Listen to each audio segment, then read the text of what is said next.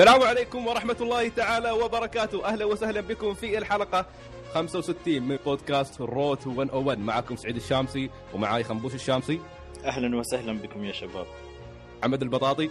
هلو. سلطان المنصوري. هاي. يلا يلا نتكلم عن مثل جير يلا. يلا. يلا ما السريعة جالس تريا من متى. لحظة عندي ملاحظة بسيطة بس فقعت اذني أول ما قلت السلام عليكم. أي والله المرة الجاية اهدى شوي المايك. ريال أنا؟ أنا؟ متحمس ألف. حرام عليك عطنا هذا عطنا تنبيه زين بعد السماعات بعدين رجعها يعني أنت تلعب Metal Gear تسمع cringe هاي على- جت على صوتي أنا. يلا ما عليه. عموما. طبعا نعرف إن ياسين نتحرقص من أسبوع كامل أو أسبوع ونص. نبغى نتكلم عن Metal Gear لكن قررنا نأجلها الأسبوع الماضي. على أساس الأسبوع هذا نعطي تجربة كاملة ومفصلة. أنا ما أنا لعبت فوق 60 ساعة سلطان أتوقع نفس الشيء يمكن أكثر.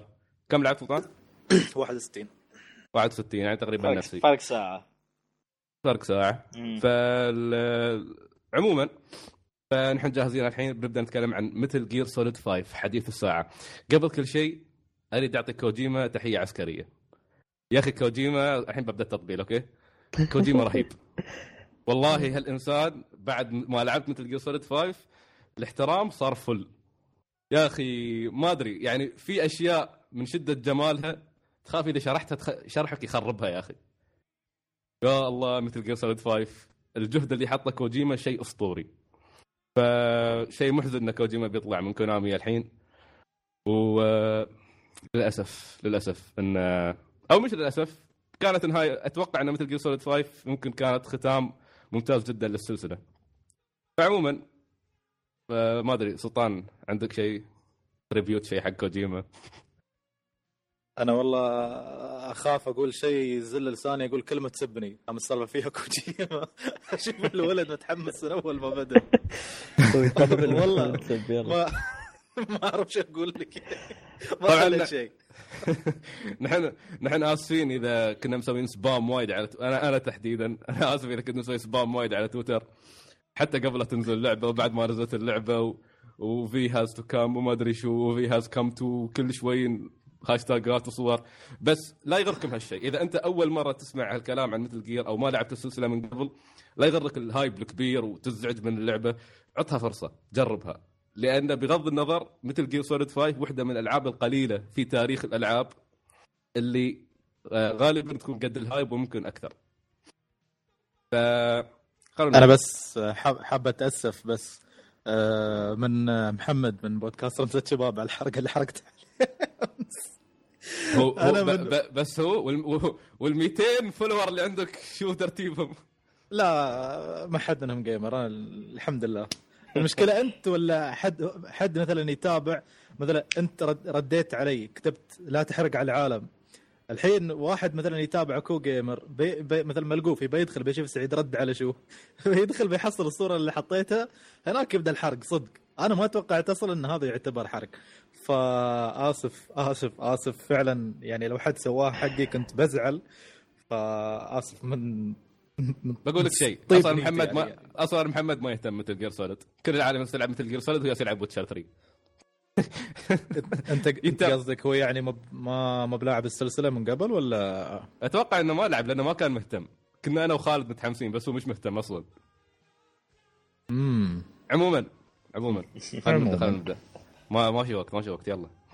فطبعا قصة اللعبة.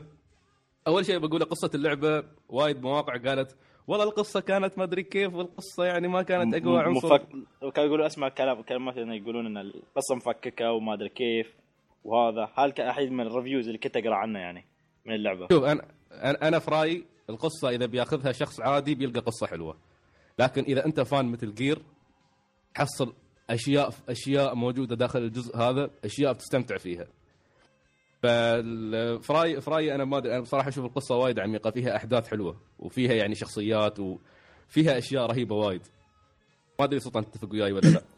شوف أنا ب... بس بشرح نقطه أنا أوافق خنبوش في الكلام اللي قاله إلى حد ما مش مش تماما. هو آه، قبل بس لا تكمل سلطان أنا ترى الكلام اللي قلته مو كلامي هذا كلام الريفيوز يعني. أدري. يعني خلنا خلني أعيد صياغة الجملة وأقول إني أتفق نوعا ما مع كلام المراجعات.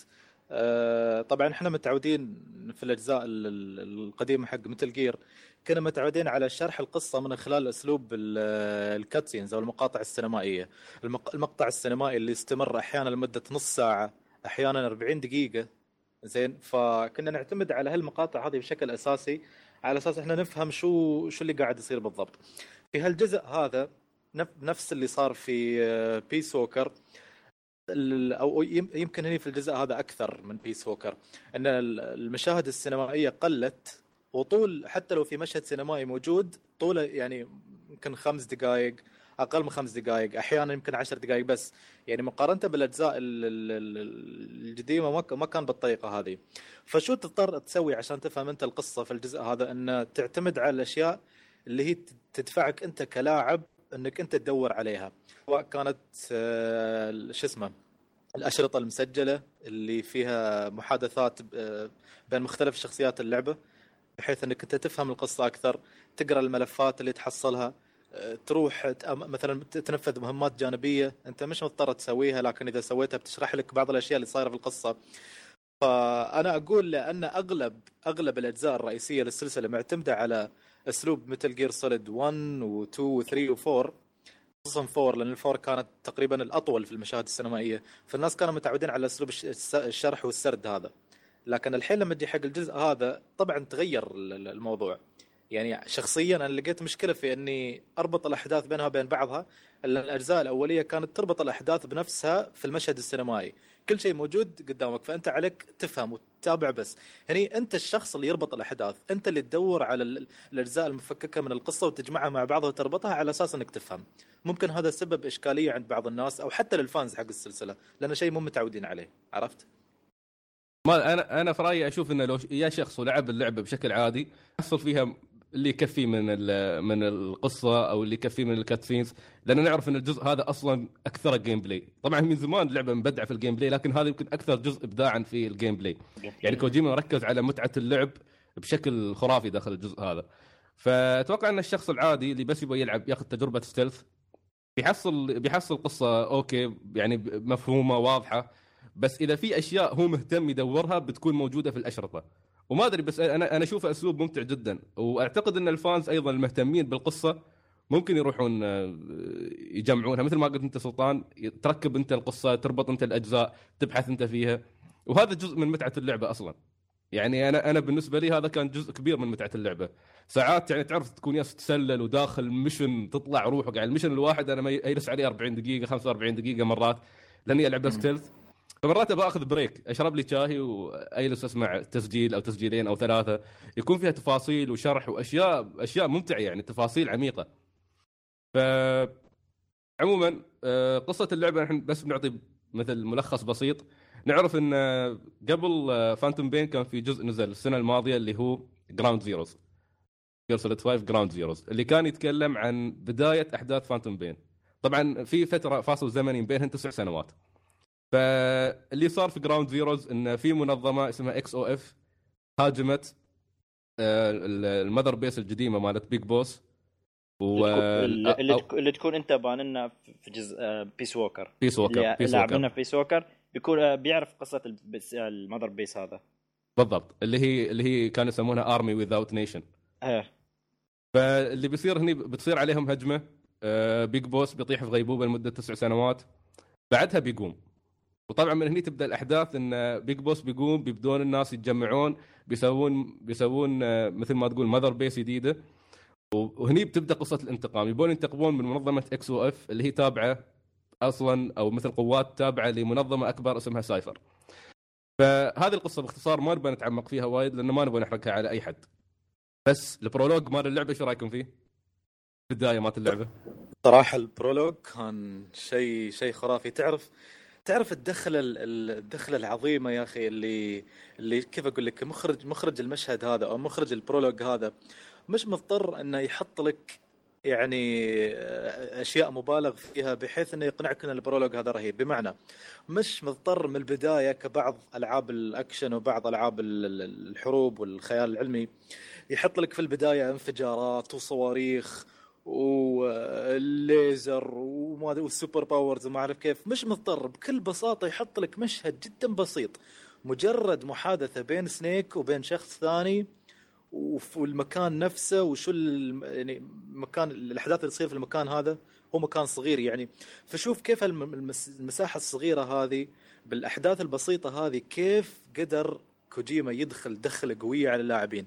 بكل أمانة أول ما بدأ ال prologue يعني تقريبا على نهايته وكل ما ألعب كان عندي إحساس أقول كوجيما يعني بيحول هاللعبة للعبة رعب. أول مرة أخاف خوف في لعبة Metal Gear مو بخوف إن حد يعني يكشفني أو كذا لا. خوف خوف خوف يعني مثل تخاف من ضعف. من- لأنك أنت. ضعيف ما تقدر تسوي شيء. إيه يعني يعني تخيل حتى في في بعض ال في في مشهد طلع زين يعني آه، تخيل أنت تتسلل من عند جنود وأنت يعني تقريبا عاري لا لا سلاح ولا شيء وكلك ض- ضمادات وما أدري شو. أنت إنسان ضعيف ما عندك شيء. وفي جنود يدورون عليك الجنود هذول من القوات الخاصة ومسلحين وفي ناس برا تنتظرهم هليكوبترات وما أعرف كيف. فتخيل معك شخصية يعني من الخوف وأنتم تزحفون على الأرض الشخصية هذه يرويك وهي تبول من الخوف وانت بكرامة. أنا لما ش... لما بدت الشخصية هذه لما وجهوا الكاميرا عليه و... وبدت الشخصية هذه شو اسمه؟ خلاص تتبول. أنا هني ك... وك... وكأني أنا اللي تبولت وكأني أنا اللي خايف. والله أنا ما ما ادري ما أدري كيف أجبرني كوجيما أني أنا أتقمص دور الشخصية هذه اللي من الرعب سوت الشيء اللي سوته. شو الخوف اللي مستوي؟ شو الخوف اللي هذا؟ ولا توها اللعبة بادية. ما ما صار شيء. بعد بعد سنيك قام من غيبوبة تسع سنوات. فجأة يدخل في هالرعب هذا. من هني أنا كتبت ذاك اليوم في ال group عن- عندكم شباب؟ كتبت يا مسكين يا بيج بوس شو سووا فيك؟ توك قايم من الغيبوبة. كل يبي يقتل كل يبي يموتك كل يبي يذبحك وأنت مسكين. و... يا أخي أنت لاحظت شيء؟ لاحظ إن الر- الرعب اللي بيسببه لك من الشخصيات المتواجدة بدون ما نذكرها إذا طلعت بعدين تحس بنفس الرعب يا أخي يوم يطلعوا لك قدام. بالضبط. بالضبط. لدرجة إنك تتمنى انهم ما يطلعون. تتمنى والله لما بالضبط. يطلع لك كاتسين أو شيء تقول لا لا please لا مو بنتو. والله يخليكم مو بنتو. يعني كوجيما عجيب في ال prologue يسبب لك عقدة نفسية وبعدين يجي يلعب عليك قدام. والشيء الحلو يا أخي في البداية انه حط لك موسيقى من الثمانينات. أو عفوا أغنية من أفضل الأغاني اللي سمعتها من زمان. أنا ما أدري وين كانت تعني هالأغنية هذه. اللي بيعرفها اسمها The Man Who Sold the World من إيه. أجمل أغاني الثمانينات اللي سمعتها في حياتي. ولا لايقه يعني موسيقى مثل تع- تعرف أول ما سمعتها شو حسيت فيه؟ بعد يعني آخر آخر لعبة لعبناها كانت Ground Zeroes وما أشبعت رغباتنا ولا أشبعت فضولنا في Metal Gear وقبلها كانت Solid Four والناس من متى تتريا. الموسيقى هذه مثل اللي تقول لك الجملة المشهورة. Kept you waiting ها؟ يعني شو شو شو أقول لك؟ شو أقول لك؟ يعني مثل اللي تقول لك أخيرا أنا هني أنا جاي أمتعك أنا جاي أحمسك أنا جاي بعد غياب سنوات طويلة إني أعطيك شيء أسطوري ولا كنت تحلم فيه ابدا. يا أخي شوف طيب، الرهيب آه. في كوجيما. تفضل محمد. شو اسمه أنا بر برجع لل prologue بس خلوا ال- ال soundtracks والأغاني بعدين. ال- ال- ال prologue أنت قلت سلطان وسعيد متفقين إنه في زي ما تقول الثيم ال- ال- الرعب أو أساس الثيم الرعب إنك تكون خايف إنك تكون آه، ضعيف مثلا. آه، خل خلينا نقول يعني لو لو أبغى أرجع بس بالكلام آه، لو تذكرون The Last of Us كان ال prologue درامي بحت. يعني يعطيك حتى لمحة أو نظرة أنك تعرف أن تقول والله اللعبة هذه فيها جانب درامي وعاطفي كبير عرفته من ال prologue واللي يستمر غالبا معك في اللعبة. ال- ال- الرعب هذا اللي صار ال- الجزء اللي حطوه في ال- في ال prologue حق Metal Gear مستمر في اللعبة ولا كان جزء خاص بس في بداية اللعبة ويتغير مع مع الوقت؟ نقدر نقول إنه مستمر. أنت يعني- محمد لما تقول مستمر تقصد مستمر من من اي جانب بالضبط. يعني خلينا نقول إحساسك يوم كنت تلعب البرولوج بال... بال... بال... بالضعف أو بال... بال... آه، إنك آه، إنك أنت مطارد خلينا نقول. مستمر في أول ساعات اللعب بس ولا إلى نهاية اللعبة؟ يعني تعرف أغلب الألعاب خلينا نقول بدايتها تكون ضعيف وبعدين تصير أنت اللي طاردهم. آه، و- في في بناء في بناء في بناء. okay. يعني الشعور هذا يصير تدريجي. لكن هي ال- ال- الشيء اللي يلاحقك إن الشخصيات اللي تطلع في ال prologue إذا طلعت لك بعدين أي مكان في اللعبة تحس بنفس الشعور. تبدأ تخاف. أها. وعموما شوف ترى العجيب في الجزء هذا المعاني المزدوجة اللي يحطها نفس ما قال سلطان الأغنية هذه. وطبعا هي الأغنية الثمانينات لأن ال- ال- الأحداث في الثمانينات فكوجيما مركز على هاي واشرطه الكاسيت وما أدري كيف. بس في معاني مزدوجة وايد حصلتها في القصة. وفي الأغاني يا أخي شيء يا أخي كوجيما عجيب. يعني شيء واحد يدلك على معنيين. آه انت لاحظت ال- في البداية يوم يقول آه، يقول آه، أنت بنسميك إيهاب. زين. والثاني اللي اللي عنده بنسميه إسماعيل. اسمه إسماعيل. عرفت؟ وبعدين يطلع لك في ال- في النهاية تذكر يطلع مثل حوت في ال prologue وما أدري كيف. حتى في. ال trailer يعني اللي تابع ال trailer. هذه كلها فيها مثل ما تقول آه، دلالة أو مثل تلميح على قصة موبي ديك اللي يذكرها. لأن. موبي ديك كان فيها شخصيتين كان فيها إسماعيل زين اللي هو في القصة وبعدين يطلع لك آه، ال- القبطان آه، إيهاب. اللي هو شو صار فيه؟ موبي ديك قطع ريلة أو أك- أكل ريلة. زين فكابتن إيهاب مقضي كل وقته في البحر يدور موبي ديك يبغى ينتقم منه. فلاحظ إن هاي في إن نفس قصة تقريبا Phantom Pain إن كلها عن فقد الأجزاء وفقد الأطراف وإنهم يبون ينتقمون. ف... ففي معنى مزدوج هني. عندك آه، إذا تذكرون داخل Ground Zeroes في أغنية Here's to You Nicola and Bart تكون في البداية. هذه الأغنية آه، طبعا إذا تذكرون بعد انه آه، في Ground Zeroes المكان اللي, تبدأ فيه اللعبة يكون مثل سجن سجن جوانتنامو فالأغنية هذه يوم تشتغل أصلا هاي الأغنية- الأغنية حتى يستخدمونها مال حقوق الإنسان. لأن. لأن لأن خلفها قصة عرفت؟ خلفها قصة إن نيكولا وبارت كانوا اثنين آه، ظلمتهم أمريكا في محاكمه غير عادلة لفقت لهم تهمة بسبب اختلاف آه، آرائهم السياسية. إيه. وبعد وبعدين آه، أعدمتهم وبعد سبع سنوات تقريبا اكتشفوا الناس أو بعد فترة اكتشفوا الناس إنهم كانوا مظلومين وما كانوا المجرمين. فصارت الأغنية هاي مثل ثيم لحقوق الإنسان. فتخيل إنك كوجيما مشغلينها لك في مكان أشبه بجوانتنامو. ف وطبعا في أشياء وايد معاني مزدوجة في اللعبة. هذا اللي خلاني قبل أسبوع يوم أقول لك سلطان أقول لك كوجيما عبقري. حاط أشياء يعني تلميحات وأشياء رهيبة رهيبة في اللعبة. شيء لا شيء لا يصدق. كوجيما أقول لك عشان تي احترمته بصراحة. لأنه في النهاية إنسان مثقف. آه، أنا بس عندي تعليق على كلام محمد. آه، بس حاب أوضح. آه، سعيد قال لك إن الموضوع فيه بناء. زين أنا شخصيا بالنسبة لي لما تقول عامل الرعب والتوتر هذا إذا مستمر. بشكل عام كل ما تتقدم في اللعبة كل ما يخف. ليش؟ لأنك أنت تبني ال mother base أكثر تزيد أسلحتك اللي تصنعها تزي- تزيد. العدد الجنود اللي أنت توظفها عندك في ال mother base فشيء طبيعي إنك أنت تحس إنك أقوى عن قبل فما تخاف. صار بالنسبة لي صار الخوف مرتكز وين أكثر شيء؟ مش مرتكز عند الجنود اللي خوفوني في ال prologue. في ال prologue خوفوني الجنود هذول التافهين لأن لأني كنت ضعيف ما عندي حتى مسدس ولا شيء. بعدين ما. قاموا يخوفوني. من اللي قام يخوفني بشكل رئيسي اللي قالهم عن سعيد الشخصيات الرئيسية اللي في اللعبة اللي هم ال- ال main villains هذول اللي يصير الرعب منهم. لكن الجنود بشكل عام الخوف يصير إنك بس مثلا تنكشف مش إنك تموت لا. إنك تنكشف وتخرب لأنك- المهمة أيوه ويطيح لأنك اليوم ال rating لأنك اليوم تنكشف لا أول شيء غير يجون يزيدون يعني. يعني, إيه. يعني يزيدون الشغل عليك. إيه. هي هاي. فهذه لكن بشكل عام في في نوع نوعا ما في جو عام من التوتر في اللعبة. بس يعني في النهاية تتفقون انه كان prologue عظيم. كان بداية جداً. يعني رهيبة. جداً. بداية قوية كانت. جدا جدا. عموما آه، ال- ال gameplay يا أخي كوجيما كيف سوى ال gameplay هاي اللعبة وحدة. يا أخي دائما أنا شوف دائما مهما شوف مهما كانت القصة حلوة مهما كانت ال- ال graphics رهيب مهما كان أي شيء رهيب في اللعبة. بس اللعبة تبقى لعبة. يوم يكون فيها gameplay تكون عظيمة. عشان كذا يعني مرات يوم يقولوا لي يعني كذا مرة أقول Super Mario Galaxy واحدة من أحسن الألعاب اللي عندي. ليش؟ لأنها كلها gameplay ومنوع. هني نفس الشيء. هذه اللعبة فيها gameplay Bloodborne مثلا هالسنة يوم جت أيضا كان فيها gameplay باتمان كان فيها gameplay يعني تعرف التنوع الكبير في ال gameplay التطويرات الأشياء هذه. وم- و Metal Gear مش أقل عنهن. Metal Gear يعني توديك في ال gameplay مراحل يعني شيء خرافي طبعا هالمرة بنكون في أفغانستان بكون أفريقيا شفتوا شفتوا أفغانستان كيف؟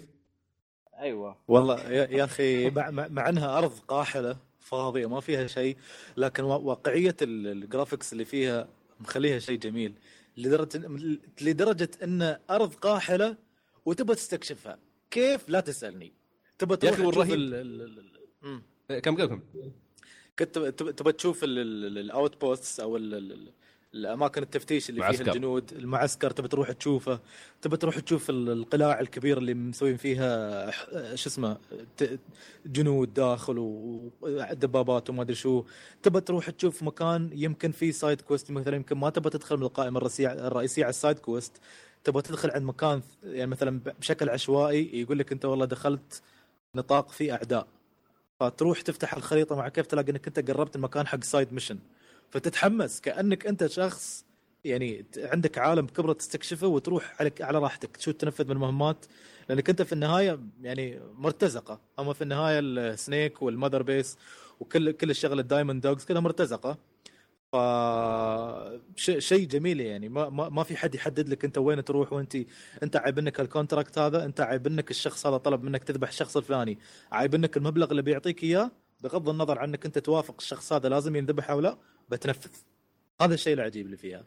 آه، طبعاً شو اسمه؟ حط آه، يوم يوم قلت gameplay أنا لسه الآن كل اللي في بالي وانت تتكلمون عن اللعبة انه إيش كان ينقال قبل ما تنزل اللعبة؟ إيش كانوا يقولون؟ إيش كانوا يتوقعون؟ آه سعيد تذكر تذكر يوم بدوا يتكلمون أو يوم صرح كوجيما وقال إن Metal Gear الجديدة راح تكون عالم مفتوح. وال- والتخوف الكبير اللي صار إنه كيف كيف Metal Gear عالم مفتوح؟ ما يصير. Metal Gear اللعبة فيها قصة عظيمة فيها فيها gameplay عظيم. كيف تتحول أو تت- تتغير جذريا بالشكل هذا؟ انت كنت كان كان هذه من الأشياء اللي كان كان ودي زي ما تقول إذا رجعت ألعب السلسله أكتشفها بنفسي بس بحكم ان قاعدين نتكلم عن الموضوع هذا حط حط في بالك ال- الكلام هذا كله اللي اللي قالوه انه إيش إيش بيصير في اللعبة إذا صارت عالم مفتوح وقول لنا من من تجربتك في ال gameplay إنه إيش إيش اللي تغير مع وجود العالم مفتوح وهل كان إيجابي ولا سلبي؟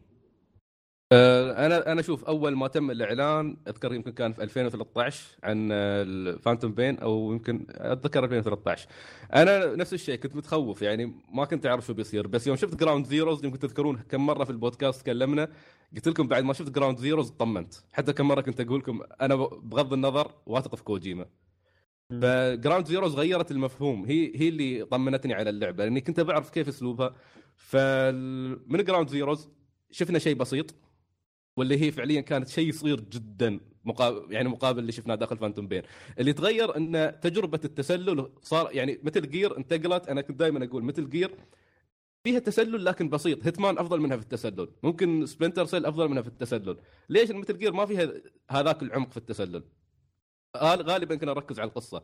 هني لا هني العالم كامل مفتوح. عرفت؟ أنت ما تعرف الجنود بيطلعوا لك من وين.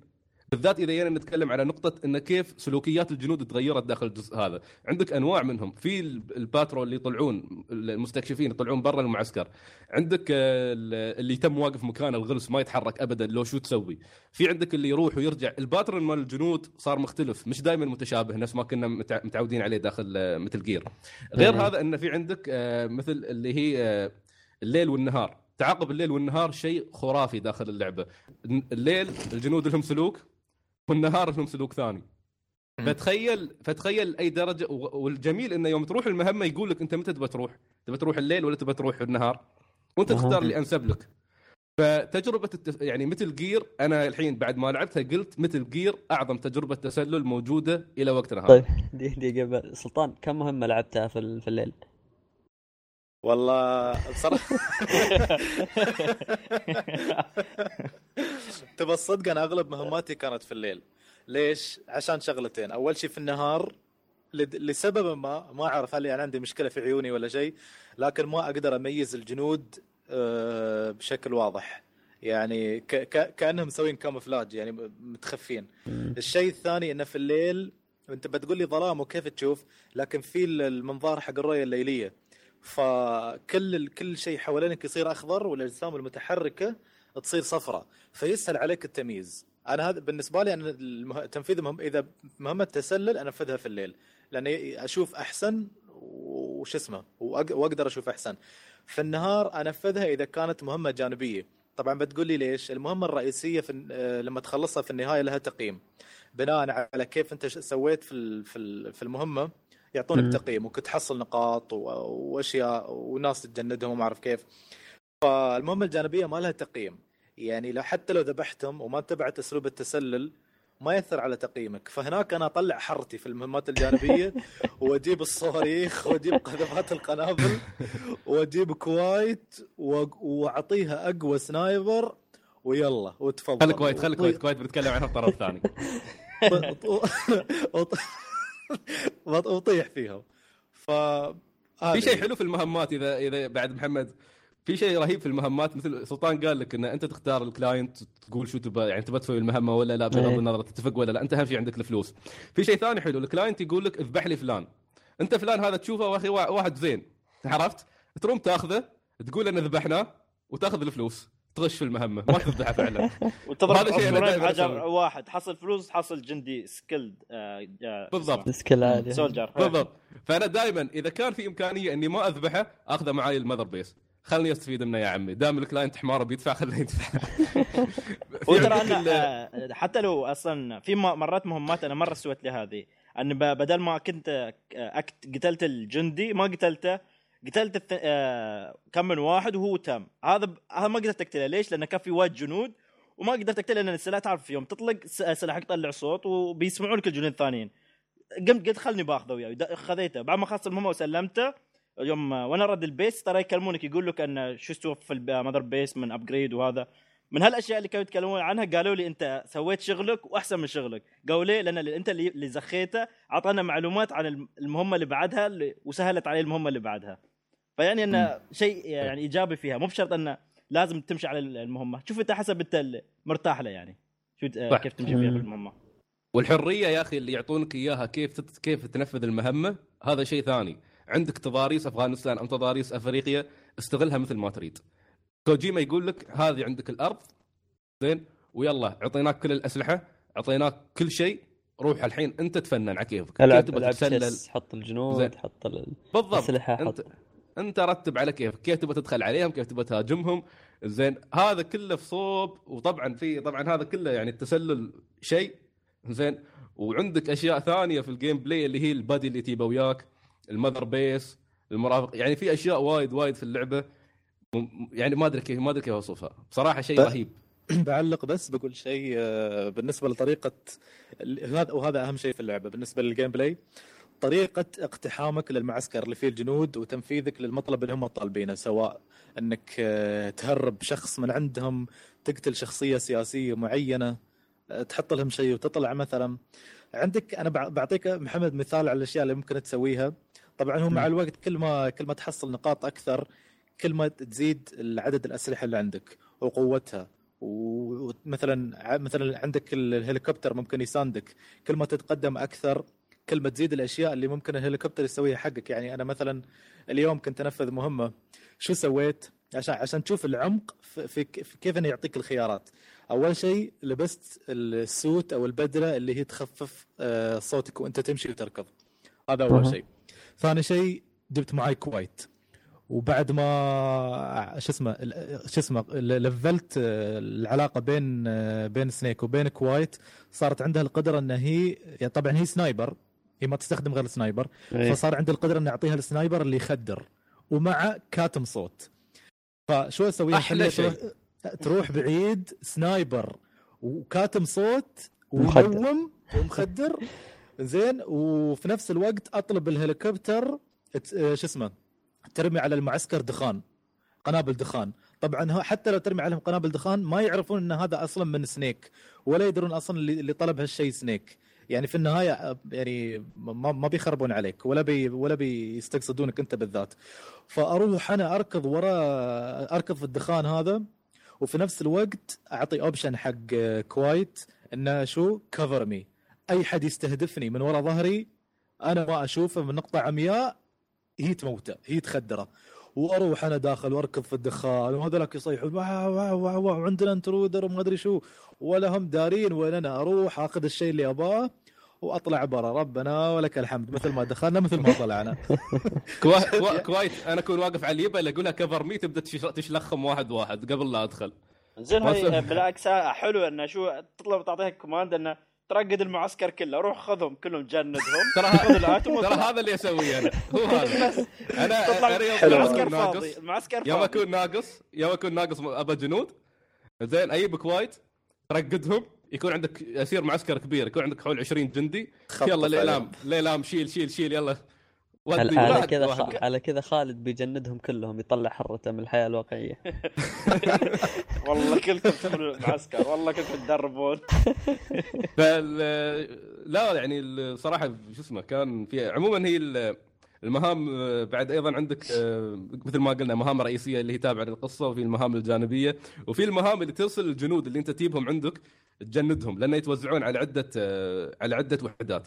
ففي عندك وحدة خاصة بالقتال. الوحدة هذه تطلعها في مهمات. تجيب لك فلوس تجيب لك جنود تجيب لك موارد. طبعا الموارد مهمة بعد داخل الجزء هذا.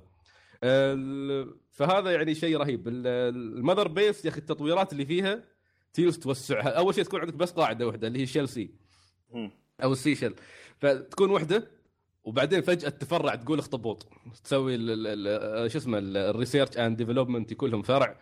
ال intel يكون لهم فرع. الأدوية يكون لهم فرع أو الأطباء.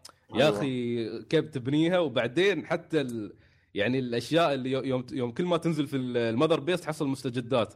والجنود تلقاهم متحمسين يتريونك يعطونك salute. كل ما تقربت زين ياك welcome boss welcome boss حتى يقول لك إن معنوياتهم ترتفع يوم يشوفونك. الشيء الحلو بعد إنه يوم توسخ بالدم من المهمات تروح تسبح. تلقى سنيك مقطن. تصير تصير تسبح وترد تكمل مهامك. في ف- في سبب للس... لل... للسبوح هذا على فكرة. لا أحد يسمع ويقول انه شغلة تافهة موجود في اللعبة لا. أنا أتذكر مرة كنت أنفذ مهمات كثيرة وغرقان دم من رأسي لين ريولي. زين؟ ومو مو مو مفتكر في الموضوع أصلا. بعدين في شاشه ال loading يا كاز أو ميلر آه، يتكلم آه، يتكلم مع سنيك. يقول له ترى it's okay to have a shower from time to time قال لنا بيأثر بي- بيأثر على الجنود اللي عندك وعلى أخلاقهم وما أدري كيف. أنا قلت شيء يعني بيمشون في ال Mother Base وهم يزقون يعني شو بيسوي؟ بيأثر على أخلاقهم. شو بيسوون يعني؟ شكرا سلطان. شكرا. والله صدق قال لي أخلاقهم يعني بطيء. يعني شو بيسووا شو ما أدري أنا فهمت إن له علاقة مثلا إن مثلا في في بعضهم اخلاقهم تطيح مثلا بيبتدون يسوون مشاكل. أحيانا كانت وأنا أنفذ المهمه الرئيسيه كان يوصلني تقرير على ال iDroid أو هو التليفون اللي يستخدمه Snake عشان ينفذ كل المهمات منه. يطلع لك اللي ترى في ثلاث جنود في ال Mother Base جالسين آه، يتضاربون مسوي المشكلة. أنا قلت يمكن المشكلة هذه من من ريحتي لأني مو متسبح ما أدري. واحد واحد واحد خطف شي قال يا أخي يا أخي البوس ريحته خايسة. بالبعض. لا لا مو إيه وقاموا يتضاربون ما تدري. ما ترى هاي القصة نحن مألفينها لا حد يصدق.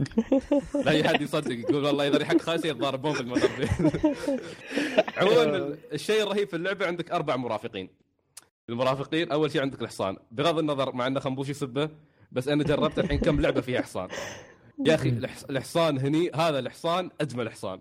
والله يا أخي إنه رهيب. بغض سواء من حركته أو من آه، إنك تروم تفتح فيه sprint. زين. أشوف في الشيء الرهيب إن في اللعبة هاي حتى قلت لسلطان كوجيما يفهم اللاعبين. ما يسوي لك الحركة مالت والله الحصان بحط له stamina أو Snake بحط له stamina إذا واحد منهم فتح sprint. لا. يا أخي كل واحد منهم أفتح في sprint لين ما تشبع. لأن فعليا إذا إذا Snake كل شوي يوقف ما بخلص كل شوي بيمسكوني. أو إذا الحصان يتعب كل شوي وأنا في أفغانستان بين من منطقة لمنطقه ما بخلص. و فانا عجبني إن بس كوجيما ما تجاوز الواقعية هاي. أنا أنا بس عندي عتب بسيط على الحصان هذا. الحصان هذا كمخة صراحة. يعني أنا ما عمري. شفت حص... ما في اكمخ من ما... روش. ما... لا لا لحظة لحظة أنت بتفهم ليش. ما عمري شفت حصان مايع لهالدرجة هذه. الحين لما أنت ط... مثلا دخلت ال... فتحت الأيدرويد وتبغى تطلب سلاح معين أو شيء معين من المذر بيس ويرسلون لك في منطاد داخل صندوق. فإذا طاح الصندوق هذا على الحصان الحصان يموت يطي يطيح على الأرض. استنى أتوقع يستوي له ولا؟ ترى استنى. ترى الا صندوقك مخه الا صندوق. في له زي اسلحه سلطان. وفي له أشياء. زي سلطان. طيب اوقف فوق بيتكم بعق عليك صندوق أشوف. الا صندوق. هذا حصان يا أخي يتحمل جسمه أقوى عن جسمي. أخي إنك تقارن بين جسمك وجسمه. يا فرس هو هو الحصان أنا اللي بقول لك ترى سعيد ترى مو بكاره إنه إلا ترى قلت لك عشان السالفه أنا فاهم. فاهم أنا. كرهته. بس هو صراحة بالنسبة لي لو أحصل comrade الثانيين أتوقع هو بيكون أحسن واحد ما في غيره. لأني أنا فعلاً، شو هو رهيب. لا لا أنا شو أسوي في يوم ألعب بال side missions ما ألعبهم مهمه مهمه أخطف عليهم كلهم. أنزل بالطيارة في منطقة معينة. وأروح من ما أخلص في هاي ال mission في المنطقة أركب الخيل وأنطلق المنطقة اللي بعدها تقريبا 2 2 أو 3 كيلو تقريبا. وأركب بالخيل وأروح. يعني أنا أنا يوم أول مرة اليوم آه، جربت اللي هو ال comrade الثاني اللي هو تحصله اللي هو شو اسمه كان؟ ال- الذيب. اللي ناسي اسمه شو كان. ال- هذا الكلب DD. أيوه هذا هي إنزين. جبته وياي. شو يوم شفت اني ترى أنا دوم يوم أدخل ألعب لي كم أتم على أخلص أكثر من مهمة يعني. خلصت ال base الأول. الحين لسه أقول الحين بروح ال base الثاني. أشوفه وأشوف الذيب اللي حقت أوكي ما كيف أستدعي الخيل؟ ابى الخيل ابى أصفر له وهذا أشوف ال command ما شيء ما عندي إياه يعني. قلت له شكلي لا من مره ماخذ إلا comrade واحد وياي. ف إيه طارني طبعا ساعة- هو واحد منهم. أيوه فهني اضطريت أنا عاد قلت لا ما أقدر عاد لأن هناك sprint ما بغ... ما بوصل. قلت ما علي المره اللي بيي باخذ الخيل وياي. خل الذيب بخليه حق بعدين. حق تم الأساسية صورته؟ يعني. أنا ما؟ استخدمته وايد. هو DD الكلب اليوم جربته أول مرة أول مرة اليوم.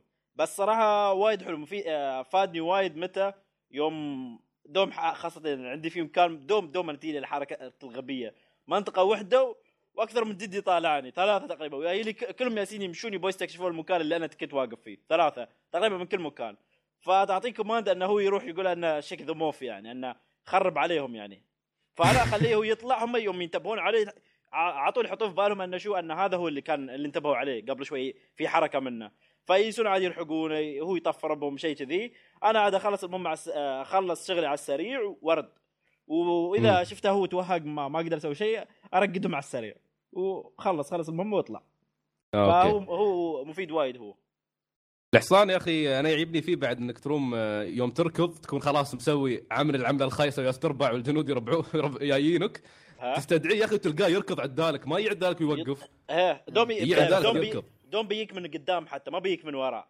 يجلس يركض وراك لا بيجيك من قدام يعني. حتى وانت تسوي إيه، sprint تلاقيه. قدامك آه إيه. تركبه وتروح. هذا هذا اللي يعجبني فيه. الحلو فيه بعد حتى يوم انت مرات مرات انت شفت وانت تركض في مرات معسكرات مال الأعداء. تبى تخطف منها بس انت ما تبى تضارب عاد انت already sprint يعني. تاخذ إيه. الحركة أن Snake يتخبى على الجهة الثانية من الخيل. فهم يوم يشوفون يشوفون بس انه كأنه خيل ياس يركض. فما ينتبهون إيه صح. عليك يعني فانا. هاي حركه حلوة كانت. بعد مم. وعندك آه ثالث واحد ما بقول Quiet خلوا Quiet آخر شيء لا أنا أقول بس عندنا- الثالث آه، الثالث لا تقول أعتقد له علاقة بالقصة ممكن ف لا لا طلع في التريلرات فأتوقع كل حد شافه ما ما, ما في ما, ما, ما في ذيك الأهمية ما ما أذكر منه الأهمية. ما أذكر منه حتى الثالث ما ما في ذيك الأهمية اللي هو D-Walker هو D مثل Walker، أي واحد. إيه م- مثل مثل آلي صغير Walker. آه، ت- ت- آه. ت- تركب عليه. زين إيه. ه- هذاك آه، طبعا هاك ما شاء الله يوم يوم يحط العجلات يجلس يجلس شو يهجول بك الله يخرب بيته. ما ما ما عرفت اتحكم بوايد. وكان حلو بس إنه تروم حتى تصفر له يجيك يجي تسمع يتحرطم ما أدري شو عنده. شيء يقول.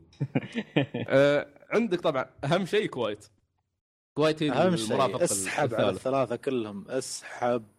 يا أخي لا لا بس اسحب يا ولد. فعليا فعليا كويت كويت مفيدة.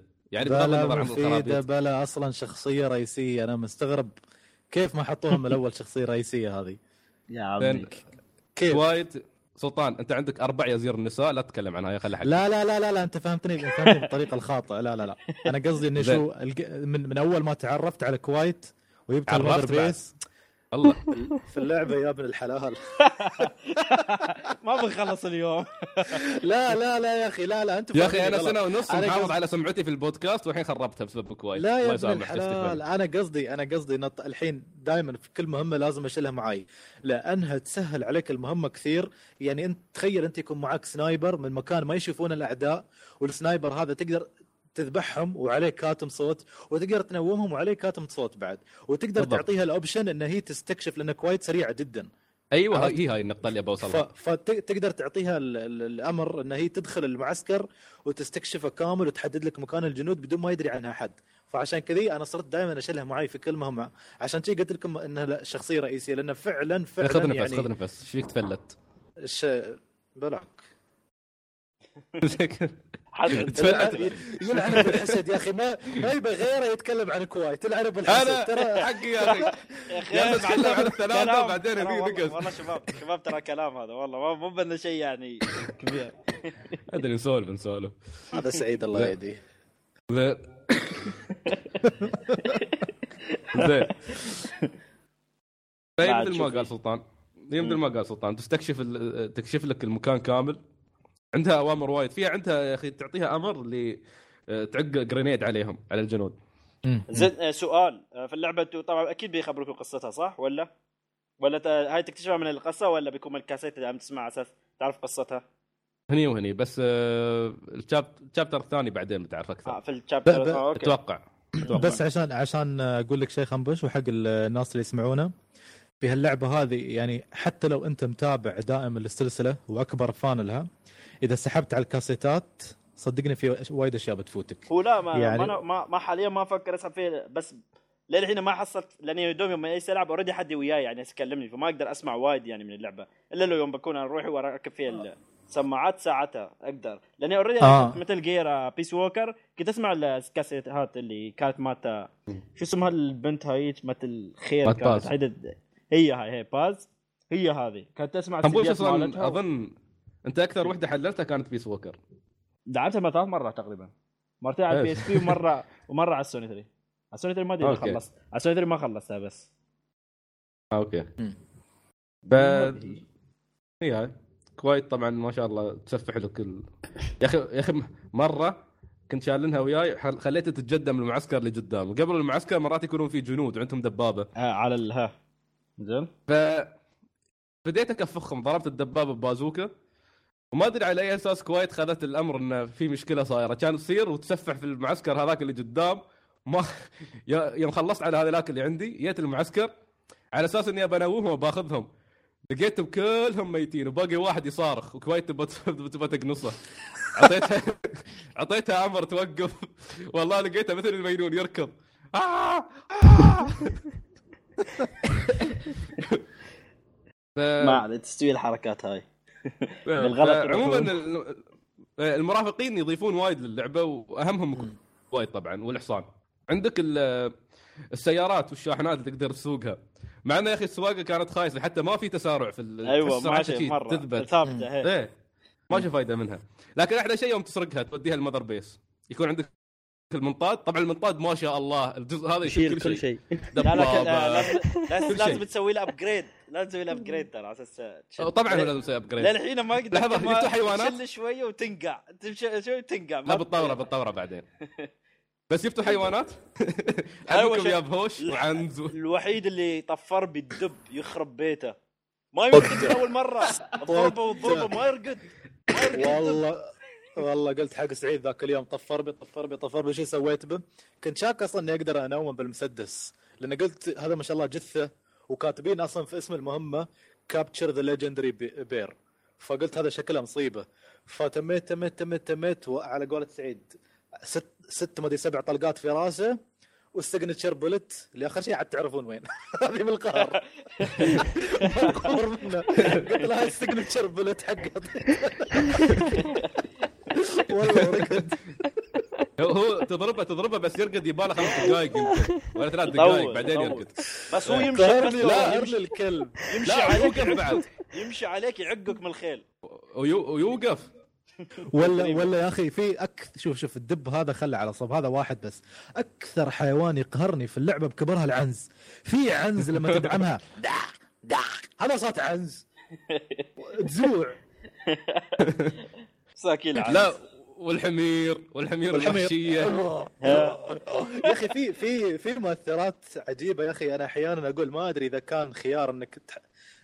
إن خيار كوجيما يدخلها في اللعبة يعني خيار صعب أو لا. يعني في عندك مثل الجنود. لما لما تخدرهم مثلا أو لما تمسكهم وتبغى تستخدم المنطاد على أساس إنك تطيرهم توديهم ال Mother Base. هو يكون نايم. زين؟ تحطه في المنطاد تسمع صوته من وراك يقول شي اللي تو تو ناش من الرقاد وشايف عمره شي يطير شوية فوق. يطلع لك صوت غريب في بعضهم والله سجناء تخيل سجناء دخلت قلعة كبرها بس عشان أطلعهم. تركبهم بالمنطاد وهم مجروحين وما أدري كيف. لما طاروا فوق شي يقولون. الحين هذا واحد مجروح. واحد بيموت. طلع. طلع أهم شيء. عاد أغلس واحد اللي يقول لك هذا مصاب وايد استدعي له الهليكوبتر. الله يخرب تشل- ما- مصدق واصل داخل. يا أخي شي تحس انه ما أدري آه، على فكرة هي الأصوات رهيبة في اللعبة. في شيء نسينا نقوله. في الماب وأنت تلعب وأنت تتسلل بالذات في الليل انتبه. انتبه ممكن يكون في شيء تحت تدوس عليه ينكبك. وأنت متسلل يالس 40 دقيقة. يعني أذكر آه، واحدة من المهمات والله تقريبا كنت توني معدي 20 دقيقة أو 25 دقيقة. وأنا أمشي فجأة دست على الاحاله أو جرة وانكسرت. يا أخي فجأة الجنود عيال الكلب يا الله. يوك. فضحوني يا ريال. خربوا ال- ال rank مالك. والله خرب والله يا خرب. بس ال ال كيف 60 frame؟ والله صراحة طار وايد طار. ثابت من البداية للنهاية. يا أخي فظيع كوجيما.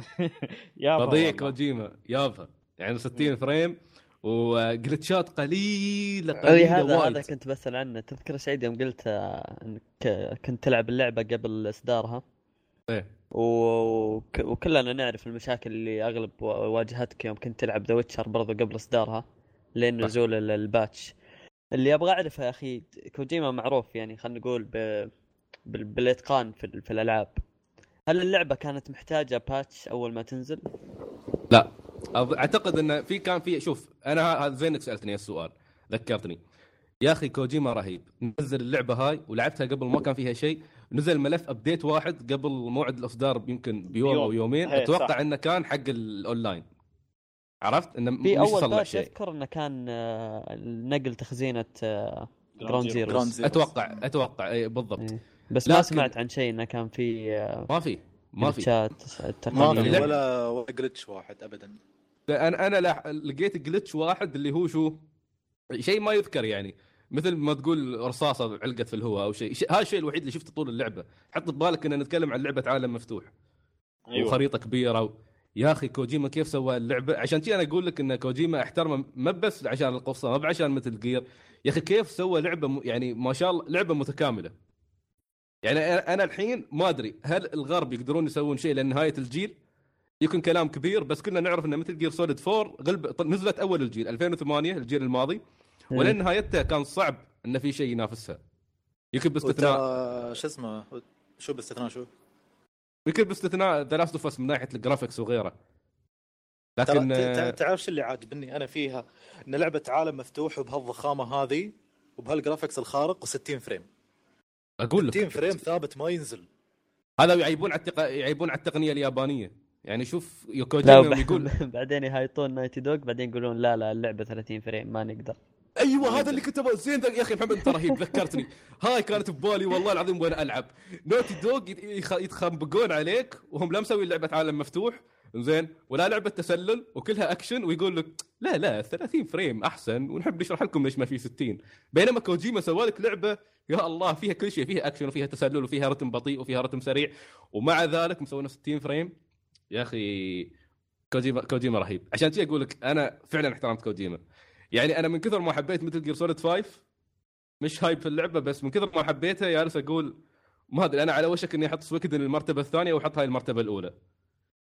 يعني بصراحة لعبة الجيل لعبة الجيل. اللي شف... اللي شفناه في اللعبة هاي مش هايب. يعني على كثر ما نوصفها اليوم في الحلقة على كثر ما نحللها ونتكلم عنها ما ما أدري غير شيء شيء غير. يوم تلعب اللعبة شيء غير غير عنك يوم اللعبة. تتكلم عنها أيوه. غير عنك يوم. تتكلم عنها.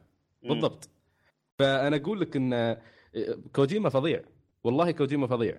يعني كونامي رسميا حمير. رسميا حمير. على اللي سووه بكوجيما. أنا لو يخسر حتى لو خسرني 80 مليون خليه يخسرني 80 مليون. إذا يسوي لي لعبة بهالجودة وبداية الجيل ما تذكر محمد يوم السنة الماضية كنا نقول شادو اوف موردر هي بداية الجيل؟ إيه. أول ما شفناها. يا أخي لا أنا من بين كل الألعاب اللي نزلت هالسنة أقول ان ميتل جير سوليد 5 هي بداية الجيل فعليا.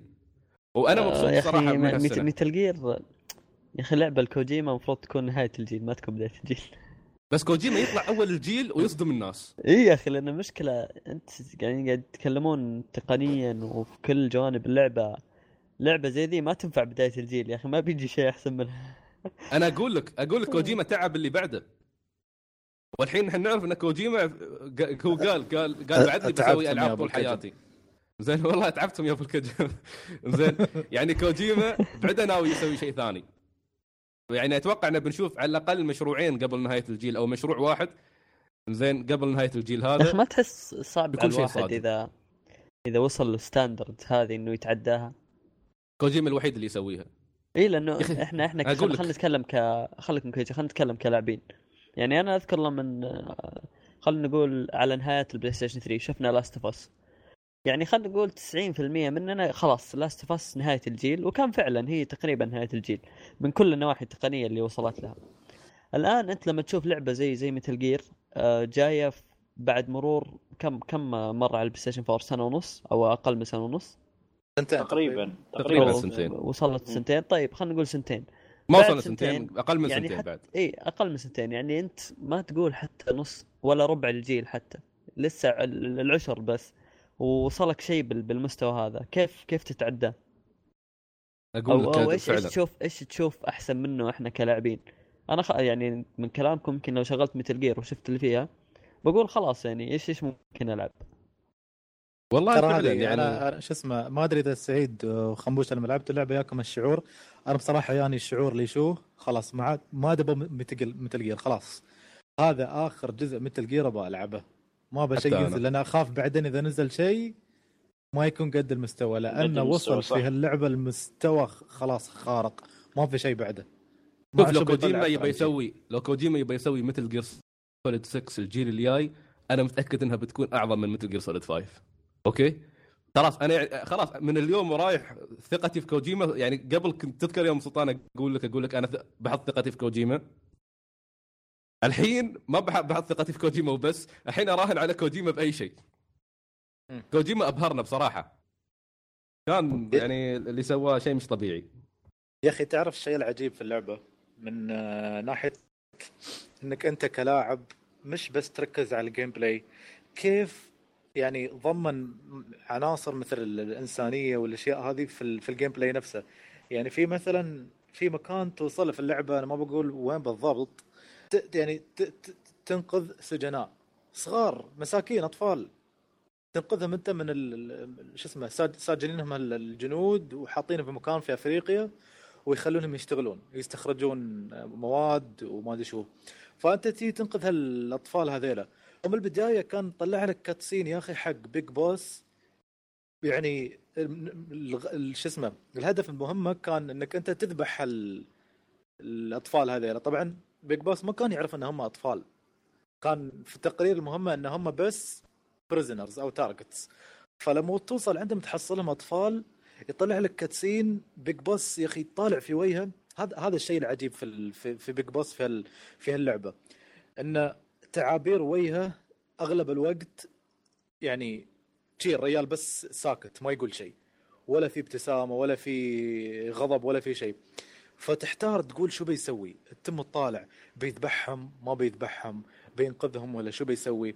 فيخليك أنت نفسك تتفاعل مع القصة في هالموقف هذا. في مواقف ثانية تقول الحين شو بيستوي؟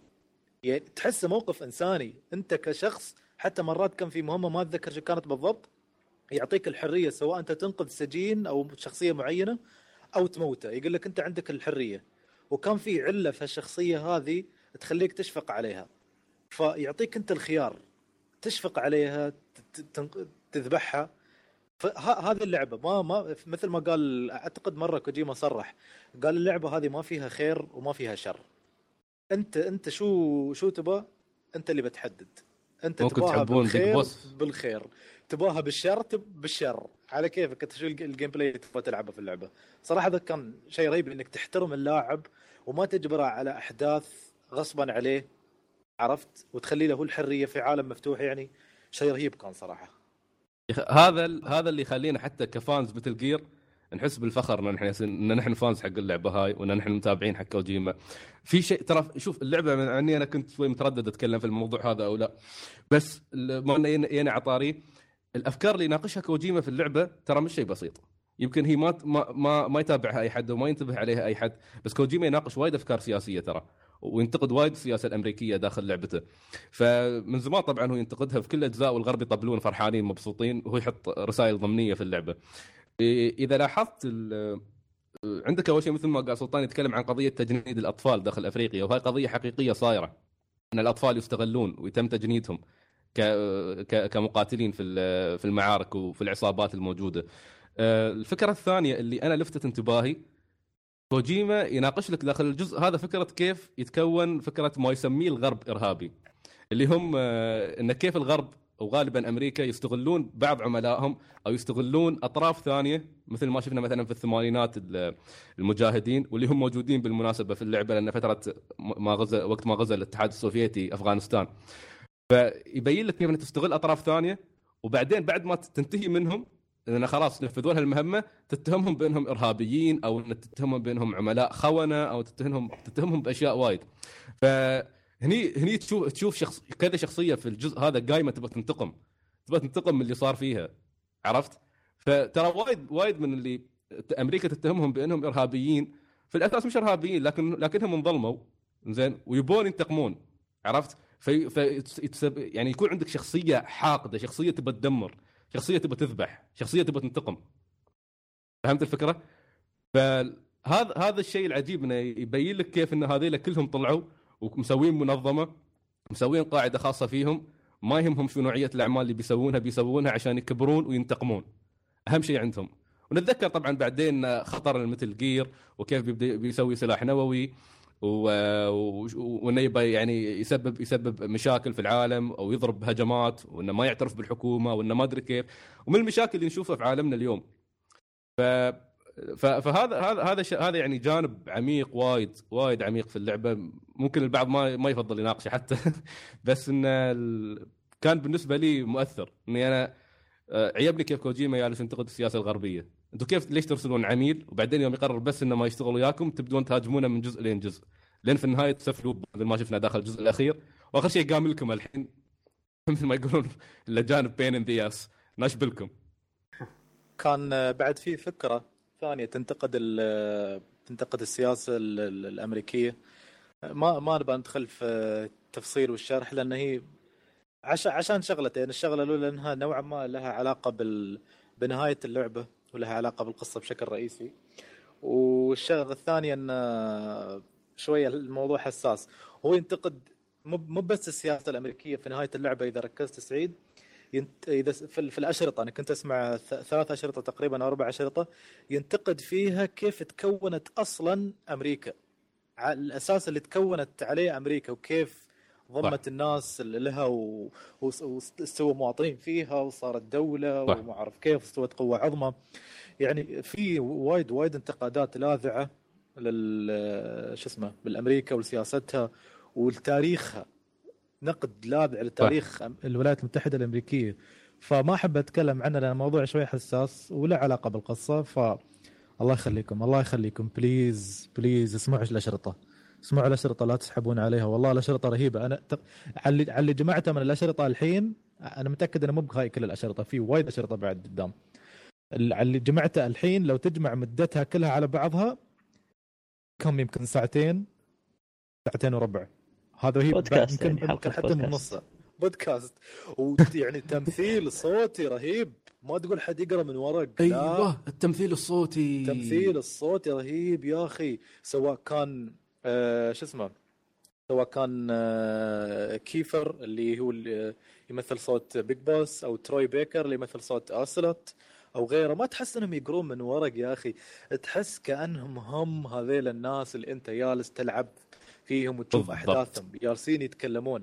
يعني أحلى شيء أنا أستانس لما أخلص مهمة رئيسية مثلا وفي التقرير حق المهمة يقول لي أنت حصلت الشريط الفلاني. أتحمس. أروح أفتح حتى وافتح. الشريط وأبى أسمع ليش؟ لأنه يعطيك معلومات إضافية عن المهمة اللي أنت توك سويتها في في مثلا في شخصية طلعت في المهمة طلعت يعني ومرت بسرعة على مضض يعني ما ما تعرف شو سالفتها ولا شو شو شو السبب ظهورها أصلا ففي الشريط يشرح لك ما يشرح لك يقول لك يا اللاعب نفس بعض الألعاب يقول لك آه، ترى اللي شفته أنت معناته كذا وكذا لا يجيب لك الشخصيات نفسها تتكلم يجي لك أرسلات يقول لك بالنسبة للشخصية اللي شفناها ما أعرف كيف المكان الفلاني شو رأيك في اللي صار؟ وهذاك يشرح يقول؟ أنا نظ- نظريتي كذا كذا كذا وهذا يشرح يقول؟ كذا كذا كذا. تمثيل يا أخي شيء شيء مو مو معقول مو معقول يا أخي والله مو معقول. تمثيل صوتي. تفوقوا على نفسهم حتى يوم كنا نتكلم أنا وأنت عن تبديل آه، ديفيد هيتر اللي هو كان دائما يؤدي صوت سنيك ويوم يابوا الجديد كيفر. يا أخي آه، مع انه هذاك مر- ساعات مرات ما يضبط سنيك زين؟ مرات لكن بشكل عام أداء الصوتي لا والله ممتاز. وال motion capture اللي سواه يعني أتوقع إن اللي سواه آه، ممكن الناس يعني حبوا هيتر لأنه من زمان في السلسلة وشي. بس إنه كيفر بعد لا كيفر بعد لا لا حد لا حد يظلمه على هالأساس. بالعكس كان ممتاز أداءه. أداء الصوتي كان ممتاز جدا والموشن. كابتشر امم بس بس هذا واحد من واحد من انتقاداتي للعبة. أنا واحد من الانتقادات اللي عندي في عندي يعني ك- كذا انتقاد بسيطين جدا. وما يأثرون عليها بشكل عام وأغلبها أعتقد متعلق بمسألة اني fan لل- للسلسلة أكثر ما أني لاعب عادي عرفت؟ آه، مسألة كيفر يا أخي في البداية أزعجتني. إحنا متعودين على Big Boss بصوت معين أوكي؟ يعني كيفر أداء ره- رهيب أداء أسطوري. ممثل غني عن التعريف وهو يعني بدأ يشتهر من مسلسل 24 إذا شفتوا كلكم من زمان كان طالع من سنين. ف يعني بغض النظر عن اداء الأسطوري المسألة مش مسألة اداء وإنما مسألة تعود. يعني تخيل شخصية متعود عليها السنوات وسنوات بصوت معين فجأة يجيك المخرج يقول لك ترى بغير بجيب صوت واحد ثاني. ممكن اللي خدم الموضوع شوي وخفف من سلبيته إنه نوعا ما نوعا ما تحس في قرب بينه وبين صوت آه، ديفيد من غير البحة. البحة مرات تحس إنه يحاول يجيبها بس ما يضبطها. بس يا أخي في النهاية أنا ما لين الحين ما فهمت شو كان هدف كوجيما لما قال ياب كيفر.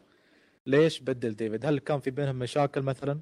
واستغنى عنه لا، لا، وكوجيما لا. تحدى نفسه؟ لا بس الأداء سلطان. أداء كيفر غير عن أداء هيتر. يعني الأداء الصوتي والتعبير وهذا عند كيفر كان أحسن من هيتر. يعني هذا ش- هذا هذا شيء ما نقدر ننكره. حتى لو نحب السلاسل القبلية وتعودنا على صوت ديفيد هيتر بس أداء آه، كيفر لا. يعني أداء الصوتي غير. أشياء يعني وايد. أشياء ترى هذه أشياء ما يقدر يسويها ديفيد آه، هيتر عرفت؟ وكوجيما ما كان عنده وقت إنه يجلس يدربه أصلا. هذه ترى ترى هاي المشكلة إذا يعني كيفر تفوق على ديفيد في موضوع ال- الأداء لكن ديفيد متفوق عليه في موضوع منتهي من زمان وهو إن ال fans متعودين على صوته.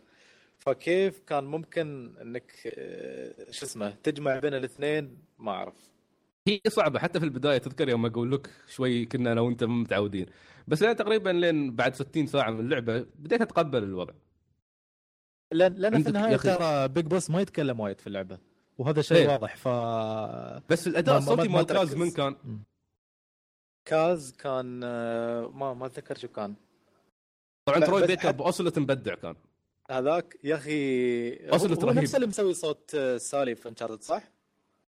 أه تروي بيكر؟ إيه. أتوقع هو اللي كان جول داخل هو اللي جول. اللي الشيبة اللي هو شيبه إيه، أعرف سالي اللي داخل انشارتد هي بس- يا أخي تدري أنا كنت ناسي الموضوع بعدين لما تذكرت إنه هو نفسه اللي مؤدي صوته في انشارتد بديت أسمع اختر اخترب كل شيء. أسمع اصلت وكاني أسمع آه، شو اسمه؟ كاني اسمع سالي جالس يتكلم في مثل جير أقول شو دخله؟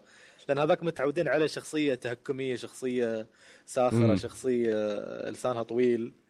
بس يا أخي اللي يؤدي بعد دور كاز آه، كان ممتاز. ما أدري منو كان هو بس، نفسه آه، ترى ل- من نفسه هو من بيس ووكر للحين اسمع نفس الصوت.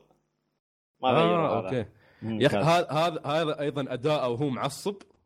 يعني كل سمع trailer مال 2013 أنا حافظ. ترى الجزء هذا فيه كمية اقتباسات رهيبة وجمل حلوة تنقال. شيء شيء شيء مهول يعني وايد أشياء. فاداء اداء وايد رهيب. اللي يبغى يسمع trailer 2013 مال Metal Gear Solid 5 أول ما طلعوا الشخصيات وشي ممتاز. كان أداء هو اللي يتكلم أصلا. يعني حتى Big Boss ما يتكلم إلا في نهاية ال trailer فتشوف الكلام اللي تشوف تشوف الغضب يحسسك يا أخي بالغضب يحسسك إنك تبى تبى تسفل ب Cipher. يعني فال- هو أكثر واحد يمكن أنا احسه هو أكثر واحد تأذى منهم. من هو أكثر المجموعة. واحد. أكثر واحد أكثر واحد. تأذى منهم. صح. أكثر واحد كان بداية قصوا إيده وقصوا ريوله و... ولعنوا خيره هو الوحيد اللي مسكوه Cipher. Big Boss شرد. ما حد اللي الباقيين ماتوا. لما فج آه، آه، شو اسمه آه، لحظة شوي حرق شو- شوي.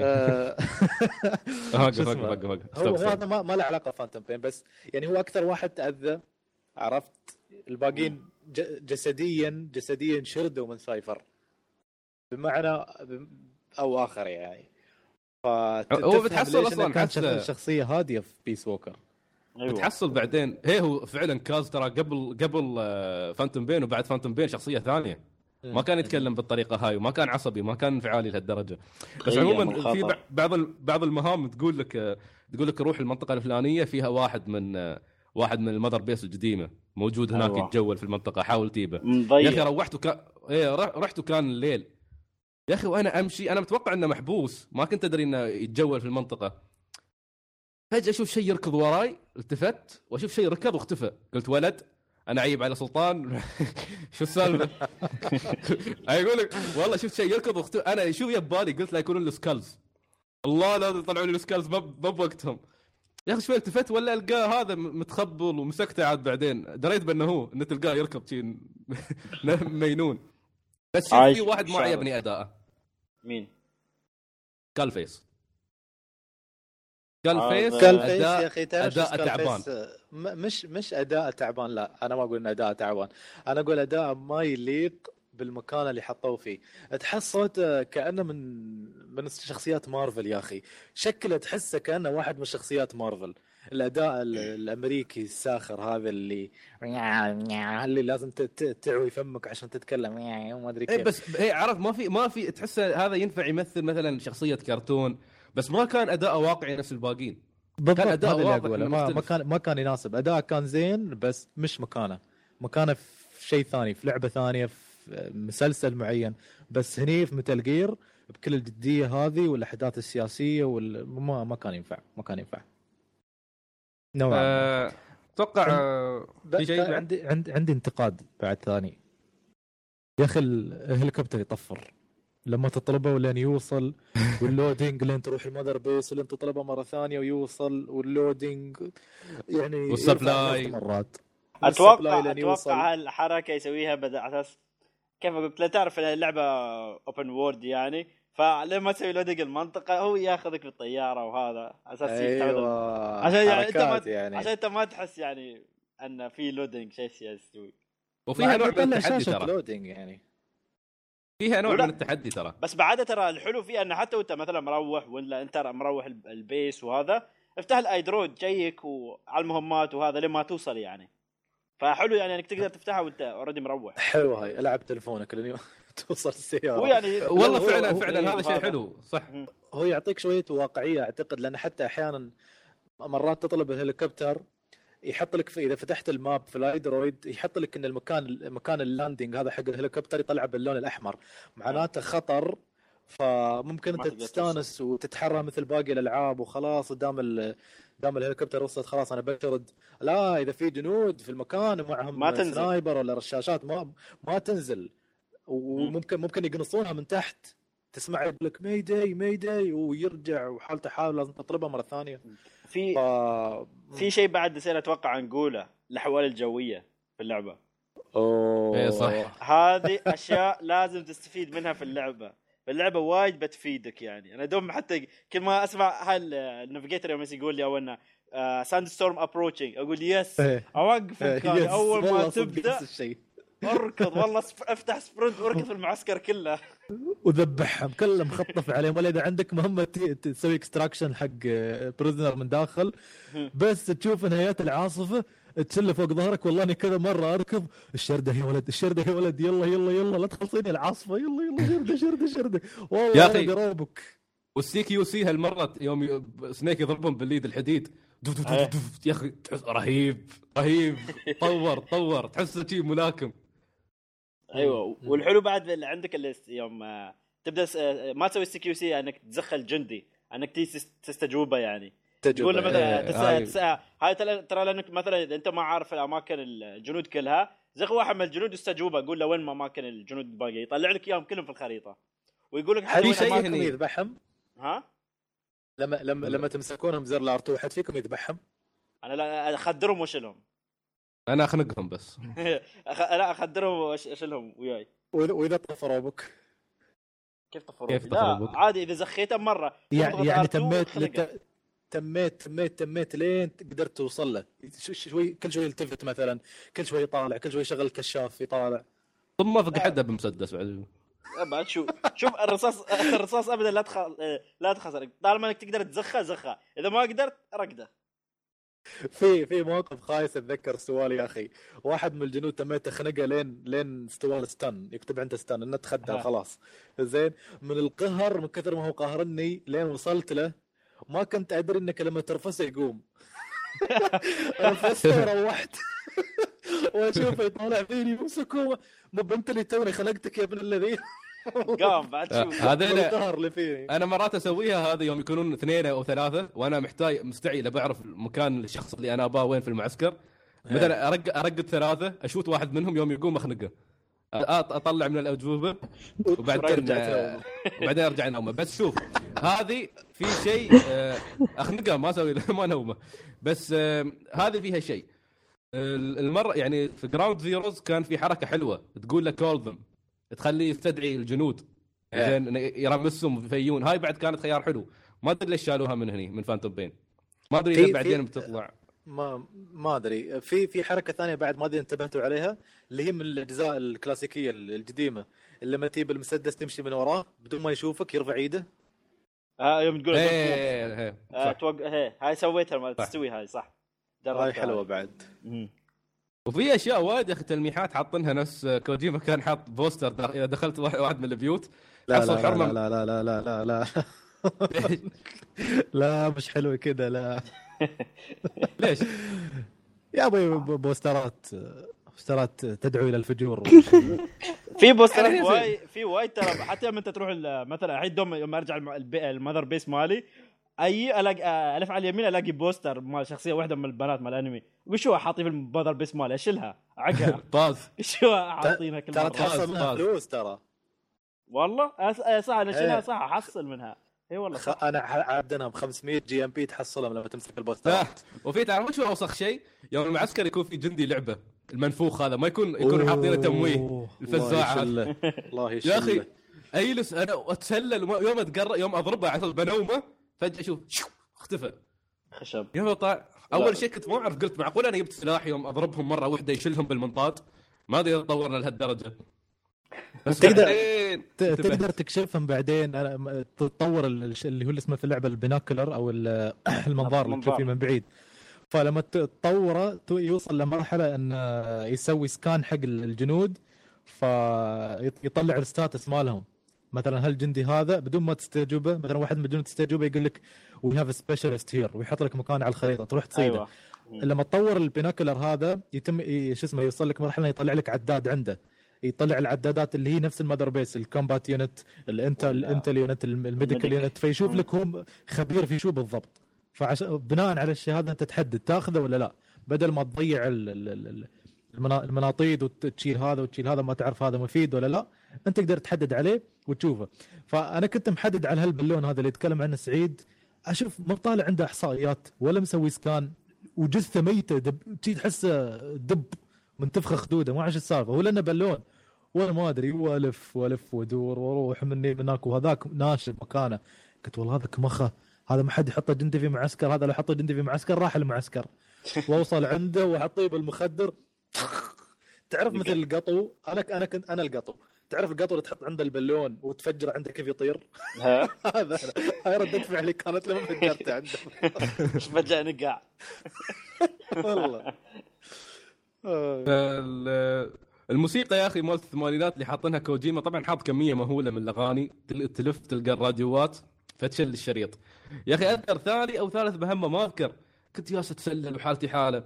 يوم قررت إنه مثل غرفة تدخلها وتمسك قائد. المعسكر. هي وفجأة أسمع آه، شو اسمه؟ we're the kids in America يا ولد الحلال أقول لك إن كوجيما أحسه يستهبل علي. عرفت؟ أنا جالس الحين 30 دقيقة ولا 40 دقيقة أبى أتسلل. يوم أوصل أسمع هالأغنية وشوف المسخرة إذا أنت غلط غلطة واحدة وذبحوك والأغنية تشتغل. حس تخيل الموقف بس كيف. تكره الأغنية. يخرب بيت آه، الدنيا ما أدري أتوقع حللنا ام أم بين اليوم. هذا لسان حال محمد. أنا أنا حاط والله حاط قدامي ورقة مس- مسطر كل شيء. ابى اقوله اليوم. شي كذا. ويلومني ذاك اليوم لما مجهز كلام عن بيونيتا. والله أنت كاتب والله أنت إيش مسوي والله أنت لا بس أنا كاتب نقاط مو كاتب فقرات الله يهديك. سلطان حتى تعبير كاتب نقاط يا أخي حتى أنا نقاط. نقاط ثلاث اسطر ولا شيء مسطور أنا أنا هني حاط نقاط بس عادية خطوط رؤوس أقلام. أما سلطان وهذا لا يؤكد لك فقط أن اللعبة تتحلى بهذا وهذا بل أيضا يقول لك أن فيها هكذا وهكذا. وهناك سرياليه على النقوش على جسد بايونيتا وعلى لمعتها وعلى خدها وعلى أسنانها المتلألئه بعدين يقول لي على- نقاط. على فكرة بس بما أن خلاص تقريبا خلصنا حاب أقول أو اودي رسالة للناس اللي أول مرة بيلعبوا Metal Gear الله يخليكم. إذا بديتوا تلعبوا Metal Gear لا تبدون Phantom Pain وبعدين تشتكون كنتم مو فاهمين القصة ولا فاهمين الشخصيات.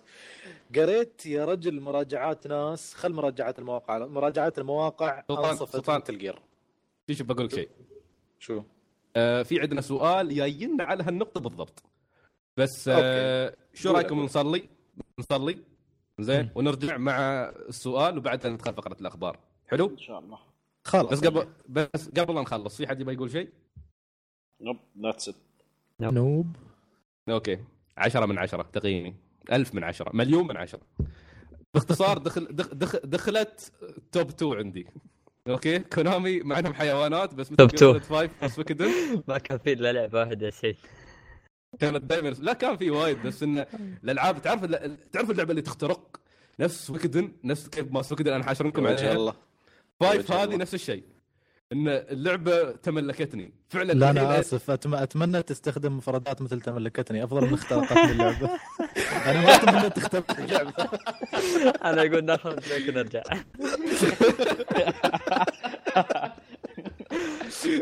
يوم يتكلم عن بوستر يقول شو اسمه يقول يقول عن- عن الحين لو حد دخل عليك وسمعك تقول اخترقتني اللعبة. شو بيفهم؟ أخي يفهم اخترقت قلبي. اخت- تقول اخترقت قلبي مو اخترقتني. ترى انت وايد أشياء مو بقلبك وبس. زين ممكن اخترقت فؤادي ممكن اخترقت رئتي. الصلاه الصلاه يا عيال. ما هي هو الاختراق بس من مكان واحد عندك؟ كله خازوق؟ عموما. راح تنقص راح تنقص راح تنقص. عموما نصلي ونرجع لكم إن شاء الله. ففاصل ونواصل.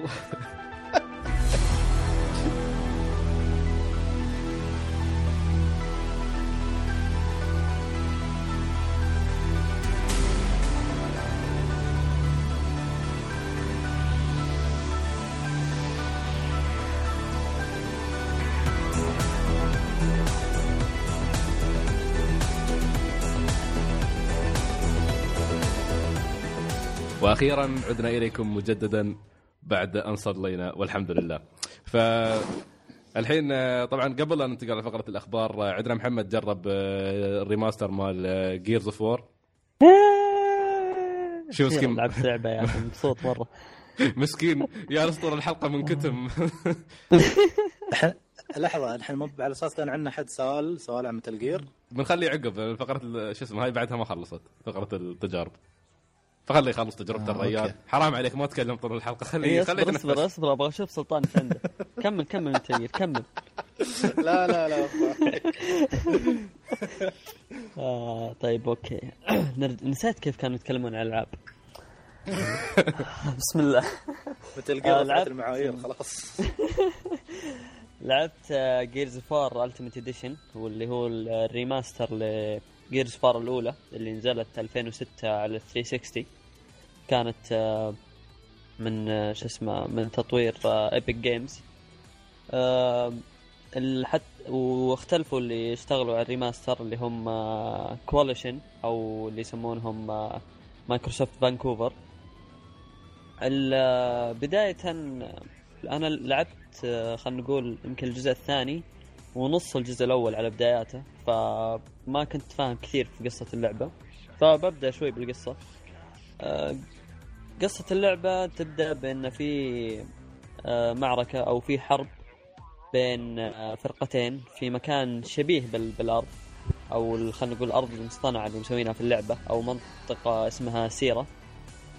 الحرب هذه كلها على سلاح آه، اسمه ال- ال- اللي هو ال- اللوجمنت السلاح هذا يعتبر سلاح أو ما يعتبر سلاح يعتبر طاقة أقوى من ال- ال nuclear power. أو أقوى من الطاقة النووية فتهاوشوا عليها مجموعتين اللي هم ال- البشر والمجموعة الثانية اللي يسمونهم ال Locust أو ال- الوحوش. كل هالحرب صارت آه، بسبب ال- الجهاز هذا. طبعا تبدأ أحداث القصة بأنك آه، Marcus Fenix أو اللي هو بطل اللعبه وهو آه، جندي كان مسجون بسبب إنه خالف بعض الأوامر واللي راح تعرفونها بالضبط ليش انسجن في اللعبة فما أحب بكتفي إني أقول إنه خالف بعض الأوامر في مهمته. آه، فينيكس طبعا مع السلاسل التفجيرات اللي راح تصير في المدينة اللي يسوونها ال Locust في خلينا نقول تحت الأرض السجن اللي كان مسجون فيه فينيكس تعرض لل... للانفجارات هذه فأنقذ أحد الجنود أو اللي كانوا معه في الفرقة اللي هو كان فيها اللي اسمها دلتا آه، Dom اللي هو صاحب اللي انقذه أخذ فينيكس واضطروا إنهم يجندون فينيكس من جديد لأنه هو أحد القلائل اللي عنده خبرة في, في ارض المعركة. أه تبدأ قصه ق- قصتها يعني ما أقول ان فيها العمق الكبير ممكن تكون سطحية بس آه، من أهم عناصر اللعبة وأهم شيء تقريبا في اللعبة يمكن أقول هو ال gameplay. اللعبة عبارة عن third person shooter يمكن يميل إني أقول second person over the shoulder مثل Resident Evil 4 مهم. آه كبداية يمكن أقول إنها من أفضل ألعاب ال story mode اللي فيها split screen أو فيها co-op okay. ال- ال co-op أو ال split screen أو خلينا نقول تعدد اللاعبين في طور القصة مميز ومتقن بحيث إنه يعني خلينا نقول إنه مصممين اللعبة عشان تلعبها أكثر من شخص. تقدر تلعبها لحالك وراح يكون معك مساعد بس أكثر الأشياء اللي تصير البريكس اللي تصير في في القصة بحيث إنه تختار أكثر من طريق تنفصل أنت وخويك وتضطر إنكم تساعدون بعض عشان توصلون لنهاية المرحلة. هذه بحد ذاتها الإتقان اللي فيها يخليني أقول إنها من أفضل ألعاب ال co-op اللي لعبتها إذا ما كانت أفضلهم. ال remaster متقن ما تحس ابدا إنها لعبة نزلت عام 2006 ال- ال graphics قوي محسنين كل شيء تقريبا في اللعبة. ال cinematics محسنينها من أول وجديد. رسوم الشخصيات ال voice acting واللي يعتبر أهم الأشياء في اللعبة ويمكن أقواها. من ناحية محادثات طبعا تعرف النظام السورد ال soldiers هذول اللي أغلب كلامهم سب يسبون في بعض. إيه. ويشتمون في بعض بطريقة فكاهية أكثر. الشيء هذا موجود في Gears وهو اللي معطيه حلاوه حلاوتها عن خلينا نقول ألعاب الحرب الثانية. هذا إحنا. آه، ب- بشكل بشكل عام أنا ما خلصت هي اللعبة تقريبا آه، خمس أكتات. أنا خلصت إلى الرابع أو نه... قريب نهاية الرابع. فما أقدر أحكم على القصة بشكل كامل لازم أعرف النهاية أو كيف حبكة النهاية راح تكون لأن في جزء ثاني وثالث للعبة. لكن بشكل عام أقدر أقول إن اللي ما لعب Gears أو يدور لعبة third person فيها قصة ممتازة وفيها محادثات ممتازة عن بعيدا طبعا ال graphics الممتاز جدا ويدور لعبة co-op أنصح ب Gears آه ال multiplayer ما اعطيتها تجربة كبيرة ما أقدر أتكلم عنها لكن اللي أقدر آه، أقول. إن Gears لعبة story ممتازة جدا خاصة إذا تلعب co-op هو اللي كنت أنا بسألك عنه أصلا ال multiplayer لأن ال multiplayer آه، يعني ال co-op بعد عليه كلام كبير بس ال multiplayer واحد من أكثر الأشياء اللي شهر Gears على فتره فترتها. ما أدري هل هي لأن 2006 وتوهم الناس يعني أول مرة على ال console يبدون يلعبون لعبة مع بعض بعد ما كانوا متعودين على الكمبيوتر. كان بسيط على ال- على ال multiplayer أسلوبه زي أسلوب Last of Us اللي هو أربعة ضد أربعة. إيه. ونظام ال- اللي خلينا نقول ال classes واحدة ما تتغير. بس والأسلحة ال overpowered أو القوية تحصلها في في المابات موجودة.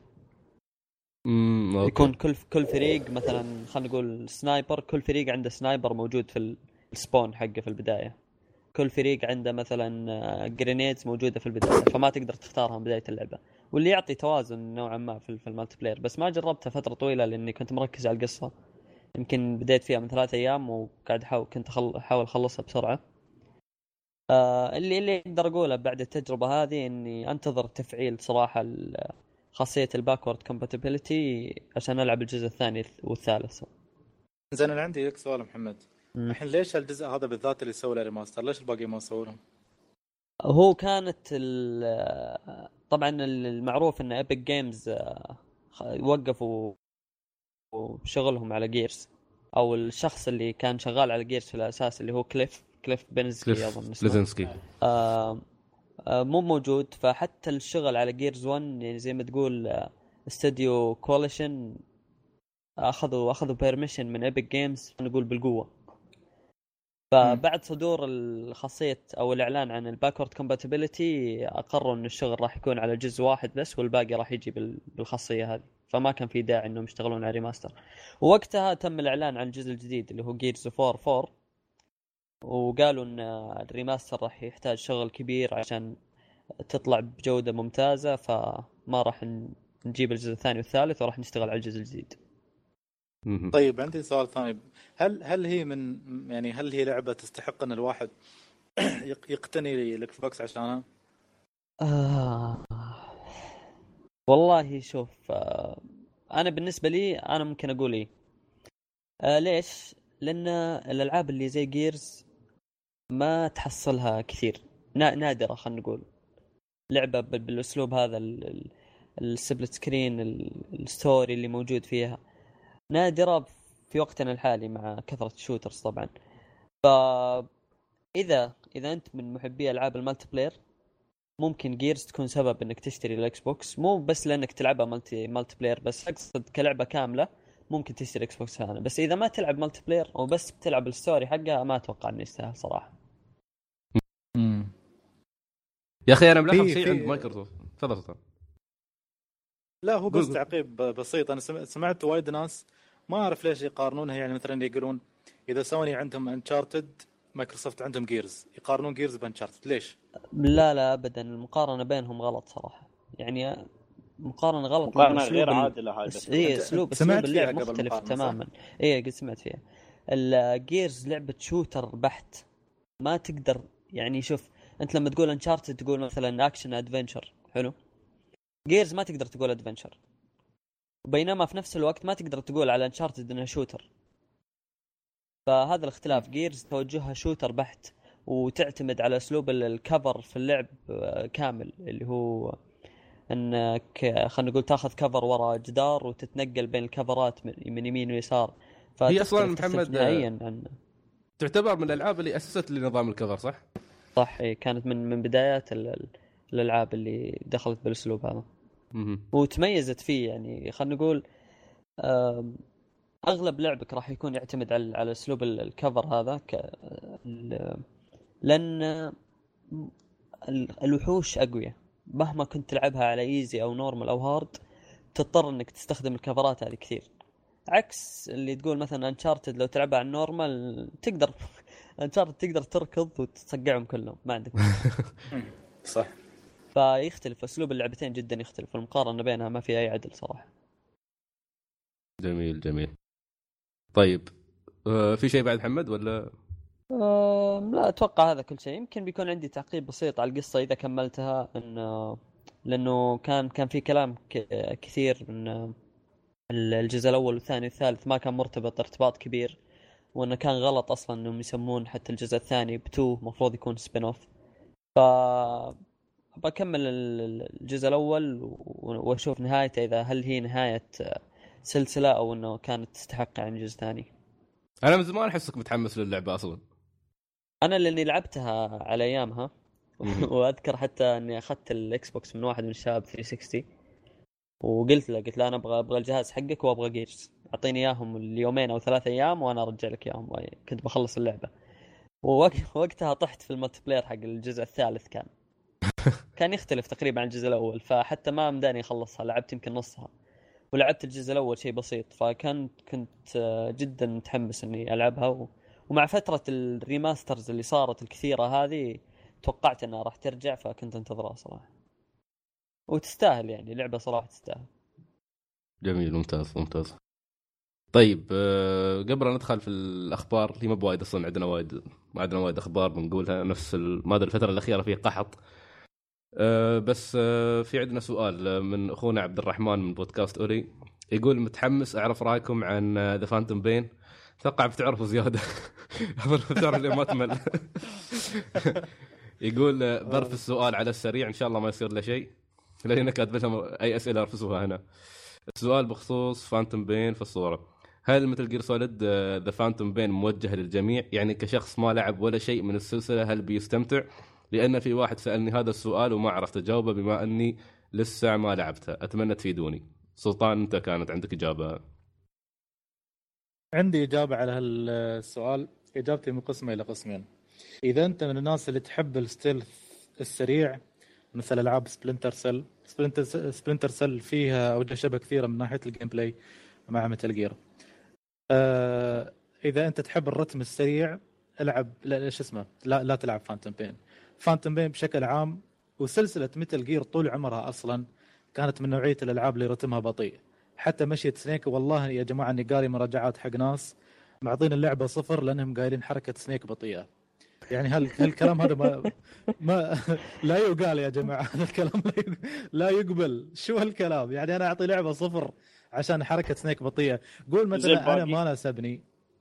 لا. الباقي يعني على أساس شيء واحد negative قام عطى حق اللعبة كامل صفر. زين ما شفت ال- ال gameplay بيئة جرافيك أصوات. يا يعني رجال ب- ما ما لك أخوش المتخلفين. ما بتمسك المتخلفين. بس بس بس عشان ما اضيع في الإجابة حق السؤال. إذا أنت تحب اللعب البطيء وتصبر عليه وتحب التكتيك وتفكر ولازم توقف كل خمس ثواني كل عشر ثواني تفكر شو بتسوي شو خطوتك القادمة بقول لك ألعبها. هي بشكل عام ك gameplay وايد وايد متغير عن السلسله بكبرها. يعني ما في ولا ولا في ولا جزء في سلسلة Metal Gear كلها تعطيك الحرية اللي أعطتك إياها هذا Phantom Pain يعني قامت نوعا ما نوعا ما تحاكي إلى إلى حد ما يعني ألعاب عالم مفتوح ال- اللي هي حق الجيل الحالي. يعني تلاحظ في أوجه شبه كثيرة في التنقل والمشي وغيرها. صح إن في عناصر تميزها ك Metal Gear وك Snake كحركة خاصة فيه ومسدس التخدير وغيره.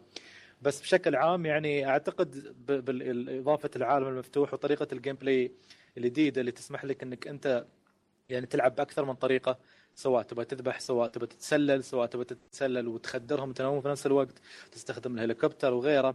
أعتقد إنها أعطت الفرصة حق لاعبين جدد ان هم يدخلون للسلسلة. بس يعني إذا إذا أنت ما تهمك القصة okay ولا بس تبغى تلعبها عشان ال gameplay بقول لك العبها. بصراحة بتستمتع. بس إذا أنت شخص تبغى تلعب وفي نفس الوقت تبغى تفهم القصة ومو بلاعب أي جزء قبلها بصراحة نهائيا نهائيا ما أنصح إنك تلعبها لأنه بتضيع. فعلا بتضيع. يعني انت في رأيك سلطان ان تشوف ان Metal Gear Solid مش افضل مدخل للسلسلة مت- تقصد Phantom Pain؟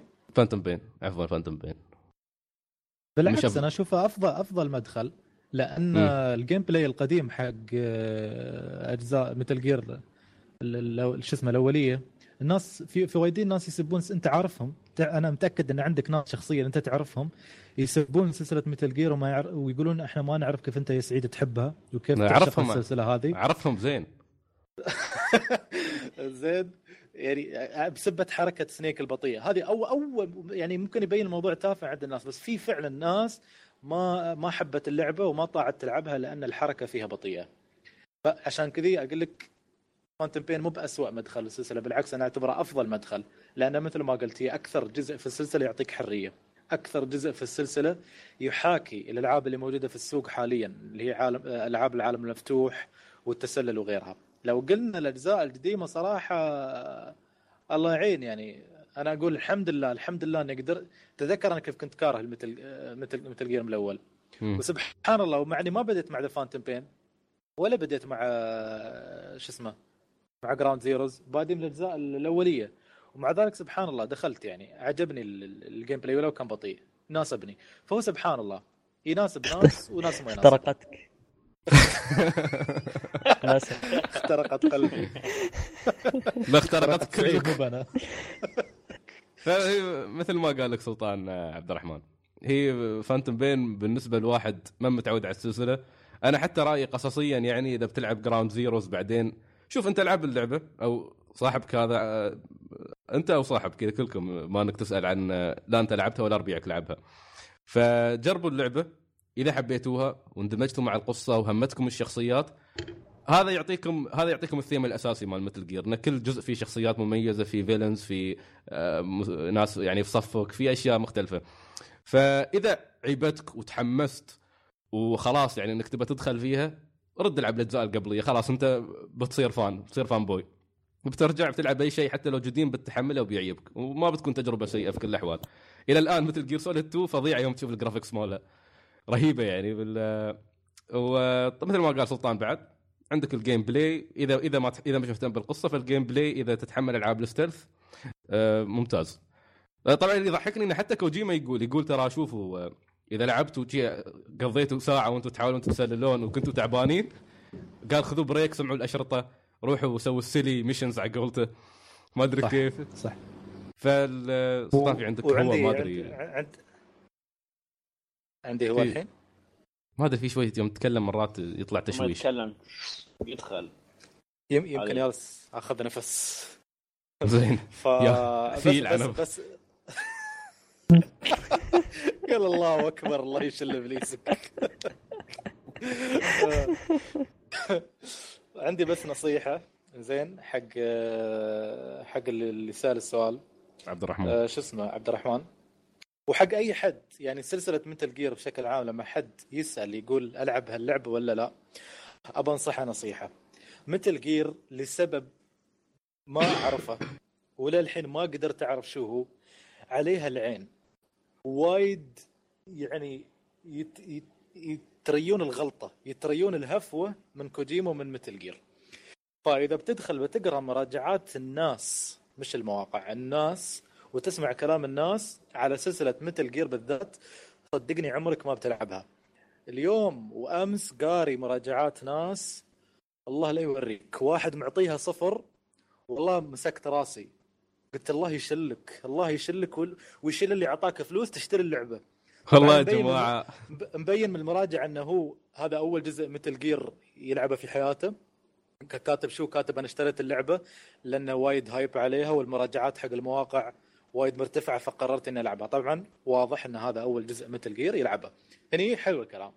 قال لك شو؟ أول ملاحظة يا أخي يوم يوم استخدم الحصان وأركض فيه صوت الحوافر حق الحصان ما يبين طبيعي كأنه لابس كعبة وانه ما ما يبين صوت حوافر خيل طبيعية. طبعا متخلف وواضح يعني إنه واحد ما له شغل في الألعاب. ملاحظة ثانية يقول لك حركة سنيك جدا بطيئة وتملل. هذا ممكن نفهمه شوي. في ناس ما تتحمل الحركة البطيئة لكن نقول يا جماعة الخير هذا اللي يميز مثل جير عن غيرها من العاب الستيلث حركتها البطيئة. ما أقدر أشل أو أكنسل هالموضوع هذا بس عشان يناسب باقي يعني يحاكي باقي ألعاب الستيلث الس- السلسلة متميزة ببطئها أصلا هذا ال... هذا اللي يعطيك بعد أكبر للعبة إنك أنت عندك مجال إنك تفكر وتخطط حق اللي بتسويه قدام أكثر بدل ما تتم شو اسمه تركض في النص. مثل الحمار سلطان. آه. سلطان أنت في يوم من الأيام بلقاك مرقد في المستشفى من كثر ما تنقهر من المراجعات يا ولد أروق خلاص لا لا لا لا لا. يعني مش مواقع. أنا بس مستغرب مستغرب يعني كيف إن في ناس ما تفكر وتنظر للألعاب بالطريقة هذه. مثل ما يقول عرفت؟ لك يعني واحد hater لي haters جانا hate وواحد يقول لي والثاني يقول لك Snake ما يتكلم وايد ما تفهم شخصيته.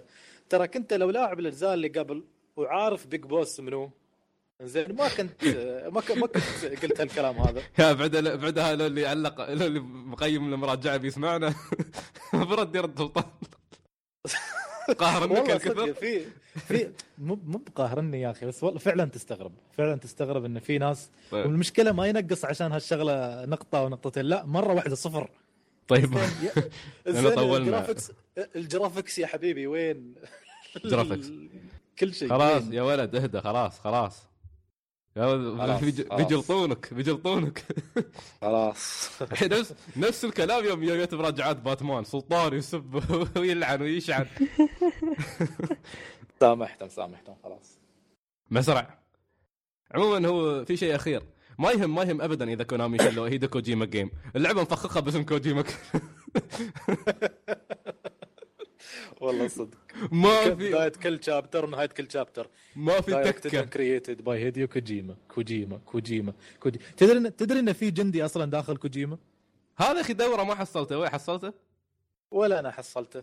جبت. جنود كلهم كات- كاتبين حصلت legendary soldier كله S plus plus S plus plus إلا هذا ما طلع لي كوجيما وين حصله؟ ما أعرف. في في مكان إلا بطريقه بطريقة بحركة معينة تطلعه. لأن نفس آه، يعني الحركه تجعله نفس.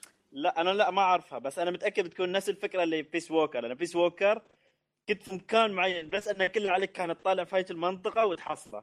كان آه، احيد في بيس ووكر كانت عندك آه، احيد خمس شاحنات. أنت في واحدة من الشاحنات فيها كانت ناقلة سلاح. أنت لما تعرف كانت أي شاحنة ومك... لأنك قبل لا تتحرك خذيت تقدر تقول آه، شو اسمه نظرة سريعة حق الرقم رقم السيارة. يوم عندك خمس سيايير تعطيك تقريبا كم فرصة بس. آه، تشوف أي وحده اللي فيها ال- اللي فيها السلاح. واحدة من الشاحنات اللي تبي تطلع فيها بيطلع لك آه، فيها كان أذكر كوجيما. صح. فأنا أتوقع إلا في ح... آه، فواحد أتوقع الحركة بتكون كذي انه في شيء لازم تسويه تطالع مكان معين بيط... آه، بيطلع لك. صدقني. تمام. تمام. خلاص. مشكور عبد الرحمن على السؤال. اسمح لنا لعلعنا وايد. أظن انت أصلا أظن أنت أصلا خلاص يوم الطرف الأول من الحلقة بتسكر خلاص تعرف اللي قبل قبل لا تسمع السؤال هذا. عموما في عندنا شوية أخبار نمر عليها على السريع. Uncharted 4 أكيد سلطان مبسط الحين. شهر كم؟ 18 3 وأعلنوا عن collector. edition من الحين أحجز سلطان ها؟ بعد ال materials لا خلص. لا ما عليك. تعلمت الدرس مع Metal Gear خلاص. إذا بحجز شيء بحجزه من الحين خلاص. ف شو بعد كان في؟ كان في ال- مسرع خل... أو أسرع خبر في تاريخ البودكاست. شي بسرعة. شو بتقول شو بتقول في كان عندنا بعد ال- دام على الإصدارات في أيضا بينزلون الحين Resident Evil 0 و1 ال remasters بيكونوا مع بعض داخل شريط واحد. فحركة زينة. Capcom تحلب فلوس. فلوس؟ شيء جميل.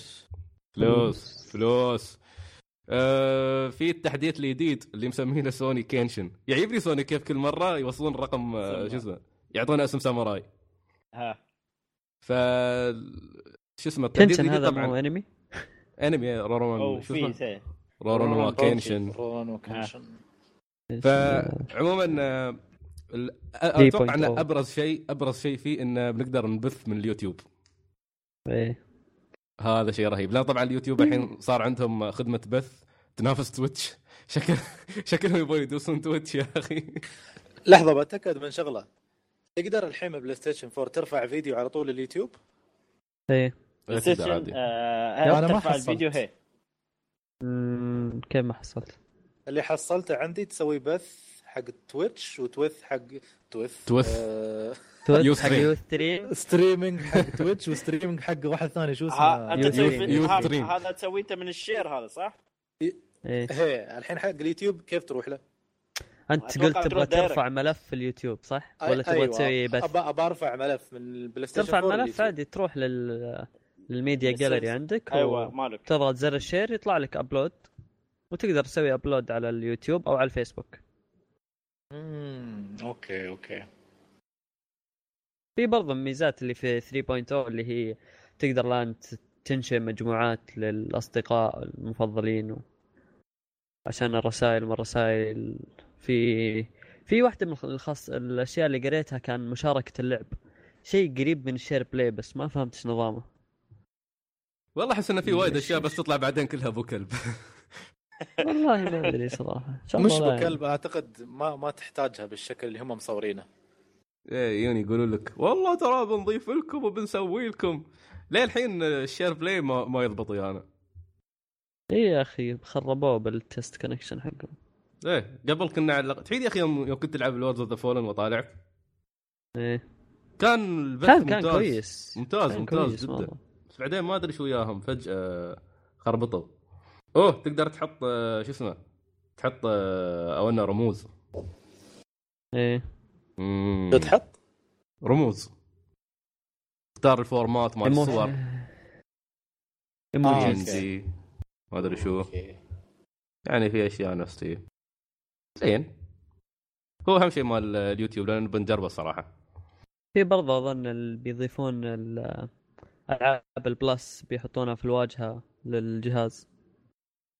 عاد مزينه. يعني يذكروني بخيابتهم. العاب ألعاب ال Plus والتخفيضات اللي موجودة كلها بتكون بواجهة الجهاز. طيب مبروك سعيد Grow Home شو اسمها هي لعبتك؟ الله يبارك. الله Grow يبارك. Grow Home مع اني ما كنت أبغاها هي تراني. ما أدري. إيش. كنت بالثانيه مالت حتى أنا ما صوت لها بس هي اللي جت. كنت بالثانيه مالت ال- ز- شو اسمها؟ Zombie Viking Zombie Vikings هاي صراحة شكلها كان آه، حلو. في آه، خنبوش كان عندك خبر؟ أنت قلت آه، ليه ما خبر يتذكر. عندي. كان في عندي خبر. شفتوا آه، شو اسمه؟ آه، ال- المخرج مال آه، أو مصمم Minecraft. فجأة استوى emo على ال- على, على تويتر. جاب لنا لعبه مرضونا فيها وشل فلوس والحين صار emo. وياس يقول ودي. ودي أقول له تبغى ترتاح؟ عطني فلوسك. أنا بريحك عطني فلوسك بس. حتى شوف يا أخي الكلمة. نص نص فلوسك عشان تندثر اللعبة. كذا بيرتاح. يا أخي يا أخي والله صدق يوم يوم صدق شي اللي حزني عليه يقول أنا جالس الحين في السويد كل ربعي عندهم وظايف أهلي ما حد موجود في البيت جالس أنا أروح يا ون أطالع انعكاسي في المنظرة. ثلاث أيام لما يردون. فت- والله صد- صدق يعني تخيل تخيل في يوم وليلة أنت عندك 2 مليار ونص دولار.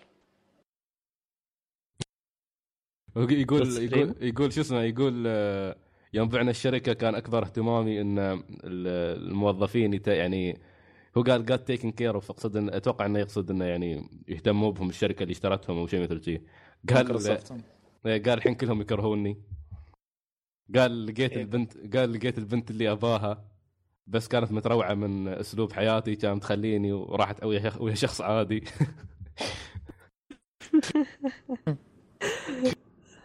آه بعدين يا أخي زين عادي يا أخي مو لازم اشتري قصور وما أعرف كيف. خلي فلوسك عندك لين تموت واشتري واصرف منها كأنك تصرف عادي مثل ما كنت في وظيفتك.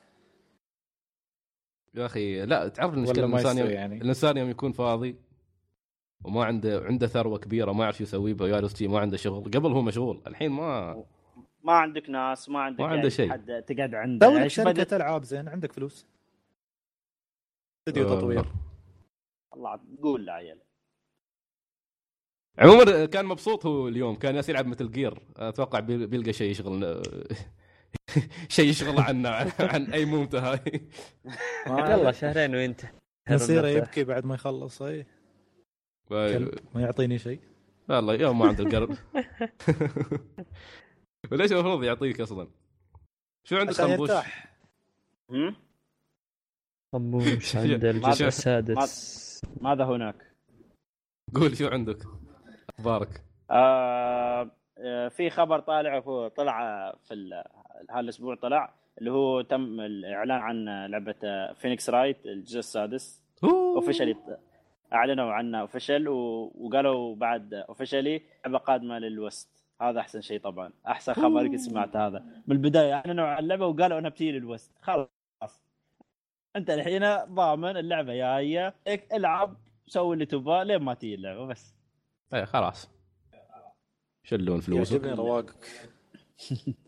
آه أيضا في كان واحد من الإعلانات المهمة اللي طلع بعد هالاسبوع هو آه Nintendo أعلنت عن آه آه 3 DS XL اللي هي تابعة للعبة Hyrule Warriors نسخة 3 DS special edition حقها.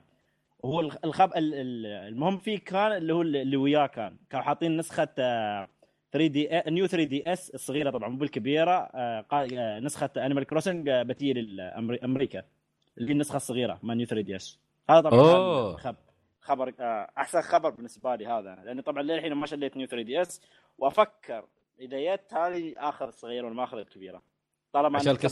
يتبدل أي ال cover يتبدل مالها مهم. خبر حلو كان يعني هال من هالأسبوع وأيضا الخبر آه، تم الإعلان عن آه، لعبة Street Fighter 5 collector edition اللي بتكون فيها اللعبة وال sta- statues آه، شخصية ريو وكتاب اللي فيه بيكون ال art book ما- مال الشخصيات و CD ال soundtrack مال اللعبة وطبعا. في ال collector edition بيكون فيها DLC اللي هو لبسه حق شخصية ريو. ما أتوقع شفتوه كلكم اللي ملتحي. إيه أو أنا رامبو. يا أخي لو, ال sta... لو ال statue نفسه باللحية والشنب بيكون طر. no? statue مال ريو. لا لا لا يا ريال. استهدي بالله. وبعد مع الإعلان حتى عنها أعلنوا أن كل مكان تاخذ منه اللعبة بي معاها DLC لواحده من الشخصيات. يعني مثلا قالوا لك أن لو طلبتها من أمازون بيك لبسه كود للبسه آه، آه، شو اسمه مايتي Bison شخص آه، اللب- اللبسه يوكا انه على أساس انه واحد آه، يوم تشوفه تحسه واحد دكتاتوري شيء كذي يعني لبسه شكلها غريب كان ولو اشتريتها طبعا من Best Buy بيعطونك كود للبسه كامي اللي هي كان sneaking الله تكبير كان. ما أدري شفتوه ولا لا هذا تكبير. شفته شفته نعم ولا؟ وأقوى واحد طب أقوى واحد طبعا اللي هو مال Chun-Li اللي هو لو طلبت اللعبة من ال store PlayStation Store آه بيك لبسه Chun-Li اللي هو أتوقع كان موجود في four بعد ما لبسة سهرة كذي كان. ما أعرف شو بالضبط هاللبسة. مم. وهذا لبسة سهرة. الموجود بس ما أدري ما أدري عاد الثانية أتوقع بعدين بيعلنون عنهم آه، لين بعدين بنتريا عنهم. وهذا بالاخبار اللي موجودة عندي. زين Monster Hunter Stories أعلنوا انها إنها بتي للغرب؟ آه ما أذكر ما احيد هم اعلنوا بس في لنا أخبار من فترة كانوا حاطين screenshots إن كيف اللعب مالها بيكون. لأن بين تقريبا RPG اللعبة كانت من قبل هم طبعا قالوا هالشيء بس لا إنه وتجمع وحوش؟ كيف يعني. أيوه اللي هي الوحوش مال Monster Hunter نفسها. الوحوش يا مثلا. تاخذ هذا التنين Rathian ولا Rathalos تجيب هذا كثرت كثرت كثرت الألعاب. اللي تزخ فيها. حماس. فما بس ما أدري إذا أعلنوا عنها بانها بتجي لل West ولا لا. بيسوون Ultimate نفس Monster Hunter العادية هذا وبيجيبونها. الشيء ما ندري ما عاد. والله جميل جميل. شكلها صراحة حلوة. أشوف لها art وشوف إشكال الوحوش وهذا. حتى إشكال الوحوش ما ب serious شي نفس ال... أيوه حاط لك إياها شي كيف أقول لك شوية تحسها طفولية فيها. فيها يعني تقدر تلعب صغاريه يقدروا يلعبون اللعبة هاي. إيه فيها فيها فيها مسحة من آه، مسحة تقول من- نفس Yo-kai Watch Yo-kai شي. وبوكيمون. وشي والله جميل. أه... Tokyo Game Show متى يبدأ؟ هش هش هو هذا هالشهر. بس ما أدري متى لأن الحين الشركات بدات تطلع يعني ال line ups مالهم شو الألعاب اللي بتكون في ال- آه شو اسمه عندهم في ال Tokyo Game Show المعرض مالهم الحين يوم 17 بيبدأ إذا ما كنت غلطان 17 قبل العيد يعني قبل. العيد حلو. قبل العيد. بيكون عندنا بعد معرض الأسبوع الجاي بيكون عندنا معرض Games 15 Games 15 Games قبل شوي مطرشين لي شو اسمه مطرشين لي رسالة. يقولون آه، انه في مصارع بي ما أدري كيف.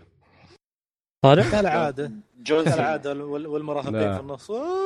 يلا السنة الماضية كانوا كريهين. ما أدري حتى من هاك المصارع؟ ما أدري يا ري. أنا ما أعرف. لا لا ما كان جون سينا أنا اذكر هذا المصارع الوحيد اللي اعرفه ما هذا. كان جون سينا كان هذاك أبو شعر أحمر الإيرلندي. Sheamus. كان اسمه. أيوه Sheamus. إيه هو. وقال يضارط على المسرح مسوي آه. فالنها بزياده الحلقة هاي سلطان. ال- في demo حق Disgaea 5 نزل. يا الله Disgaea جاي شهر أيوه 10 صح. what لعبتين هم اللي كانوا نازل حقهم demo اذكر Disgaea واللعبة اللي هي كان The Witch and the 100 Knight أتوقع شيء شيء اسمها كان. ما احس أتوقع من نفس شركة Disgaea لا ما أدري أحس شخصيات متشابهة من اللعبة واللعبة الثانية. يا أخي. Mad Max يا أخي ياها تسفيل. شيء غريب. والله شيء غريب. يا أخي ما تدري تشوف ال- التقييم تسفيل مو طبيعي. تدخل على streams والناس اللي قاعدين يلعبون يمدحون فيها. طيب نصدق مين؟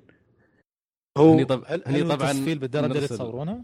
نرسل سوليد سلطان نخليه يروح يشوف لنا داخل موقع المفضل يشوف المراجعات وهنا يسب الأسبوع الجاي لا لا لا لا. شوف هو تقييمها صح نازلة. م- مش ما بقول نازلة يا أخي بقول ما ما كانت مثل ما الناس متوقعين بس ما ما سمعت عنها السب السب اللي أنتم تقولون عنه يعني. دقيقة خلنا نشوف. ممكن حصل سبعات وايد سبعات محصلة. ما أدري هي هم الناس ما أدري ليش اغلب حتى نحن كنا كلنا شي متوقعين إنها بتكون مفاجأة نفس Shadow of Mordor تطلع شي شكلها لعبة رهيبة بس نحن ساكتين لأن Metal Gear Metal Gear تخترق كل الألعاب لين نهايه السنة. فما في شيء بيوقف أصل- قدامها. أصلا أصلا وارنر بروس ناس ما عندهم مخ. أنتم صاحيين تنزلونها في نفس اليوم مع متل جير في نفس تاريخ الإصدار هو نفسه 1 سبتمبر. صاحيين. واحد واحد تسعة. والله فعلا هذا غريب. ما أدري أي حد يعني أي حد مثل- جاي مثل- هالتاريخ مم. لا عادي بس أقول لك كل حد يعني التاريخ. أو إن كانوا يتوقعون بطريقة أو أخرى إن اللعبة تفاجئ الناس. تلقى إياهم شي آه، محلل قال لهم هذه اللعبة ترى احتمال كبير تطلع flop ها؟ فخلوا الناس يسبون Metal Gear و Mad Max تطلع في الجو. آخر شيء Mad Max كانت تبن. ما يلغي ان اللعبه ممكن تكون ممتعة أنا بعد ممكن ممكن ما أدري. ممكن ترى. لعبة حلوة. ممكن ما ما نعرف ما نعرف. بس هو عموما الحين Metal Gear رفع رفعت ال standard فحتى نحن ثمانية ونص نشوفها شيء خايس. جدا. في ال- هالسفل الاثنين اللي خربوا بطولة بوكيمون يسجنونهم بس أربع. شهور. بس أربع شهور. بس أربع شهور. سعيد زعلان. خلهم يرسلون له من الامارات بدال السجن. خلهم ي... هذيلا عند سعيد بس. لو في Mother Base بسوي Mother Base هني في العين. وهالاثنين أول اثنين بسحبهم بحطهم في السجن مال الكويت بحطهم بس ما يشربون. وكل يوم جلد. ك... أوكي شكلي. أنا أشوفك. فعموما البطولة كملوها الحمد لله خلاص. لو خلصوا. منو أقوى بوكيمون طلع؟ ما ما طلع ما طلع هالسنة البوكيمون اللي فاجئ الكل. كانوا كلهم يستخدمون نفس البوكيمونات. إيه جنكيز خان قال. وربعه أيوه. لان- Landorus و Thundurus و... Garchomp وهذا. Garchomp إيه ما ما طلع. نفس الإبداع اللي قبل سنتين. ما عليه ياهم قبل السنة الماضية ياهم ال- الكوري جايب لهم آه، سنجاب. كف فخم تكفيخ Pachirisu. Pachirisu. تمام أتوقع آه، تي خلصنا ما في أي شيء. صحيح؟ نعم نعم. مهم. ف سلطان. نعم. بس عشان ناكد نهاية الحلقة هاي. أه أيوة. بنسوي حلقة أنا وأنت نشرح فيها قصة Metal Gear Solid 5 كاملة؟ تم. تمام. هاي بتكون آه، طبعا مش قصة Metal Gear كلها Metal Gear Solid 5 بس.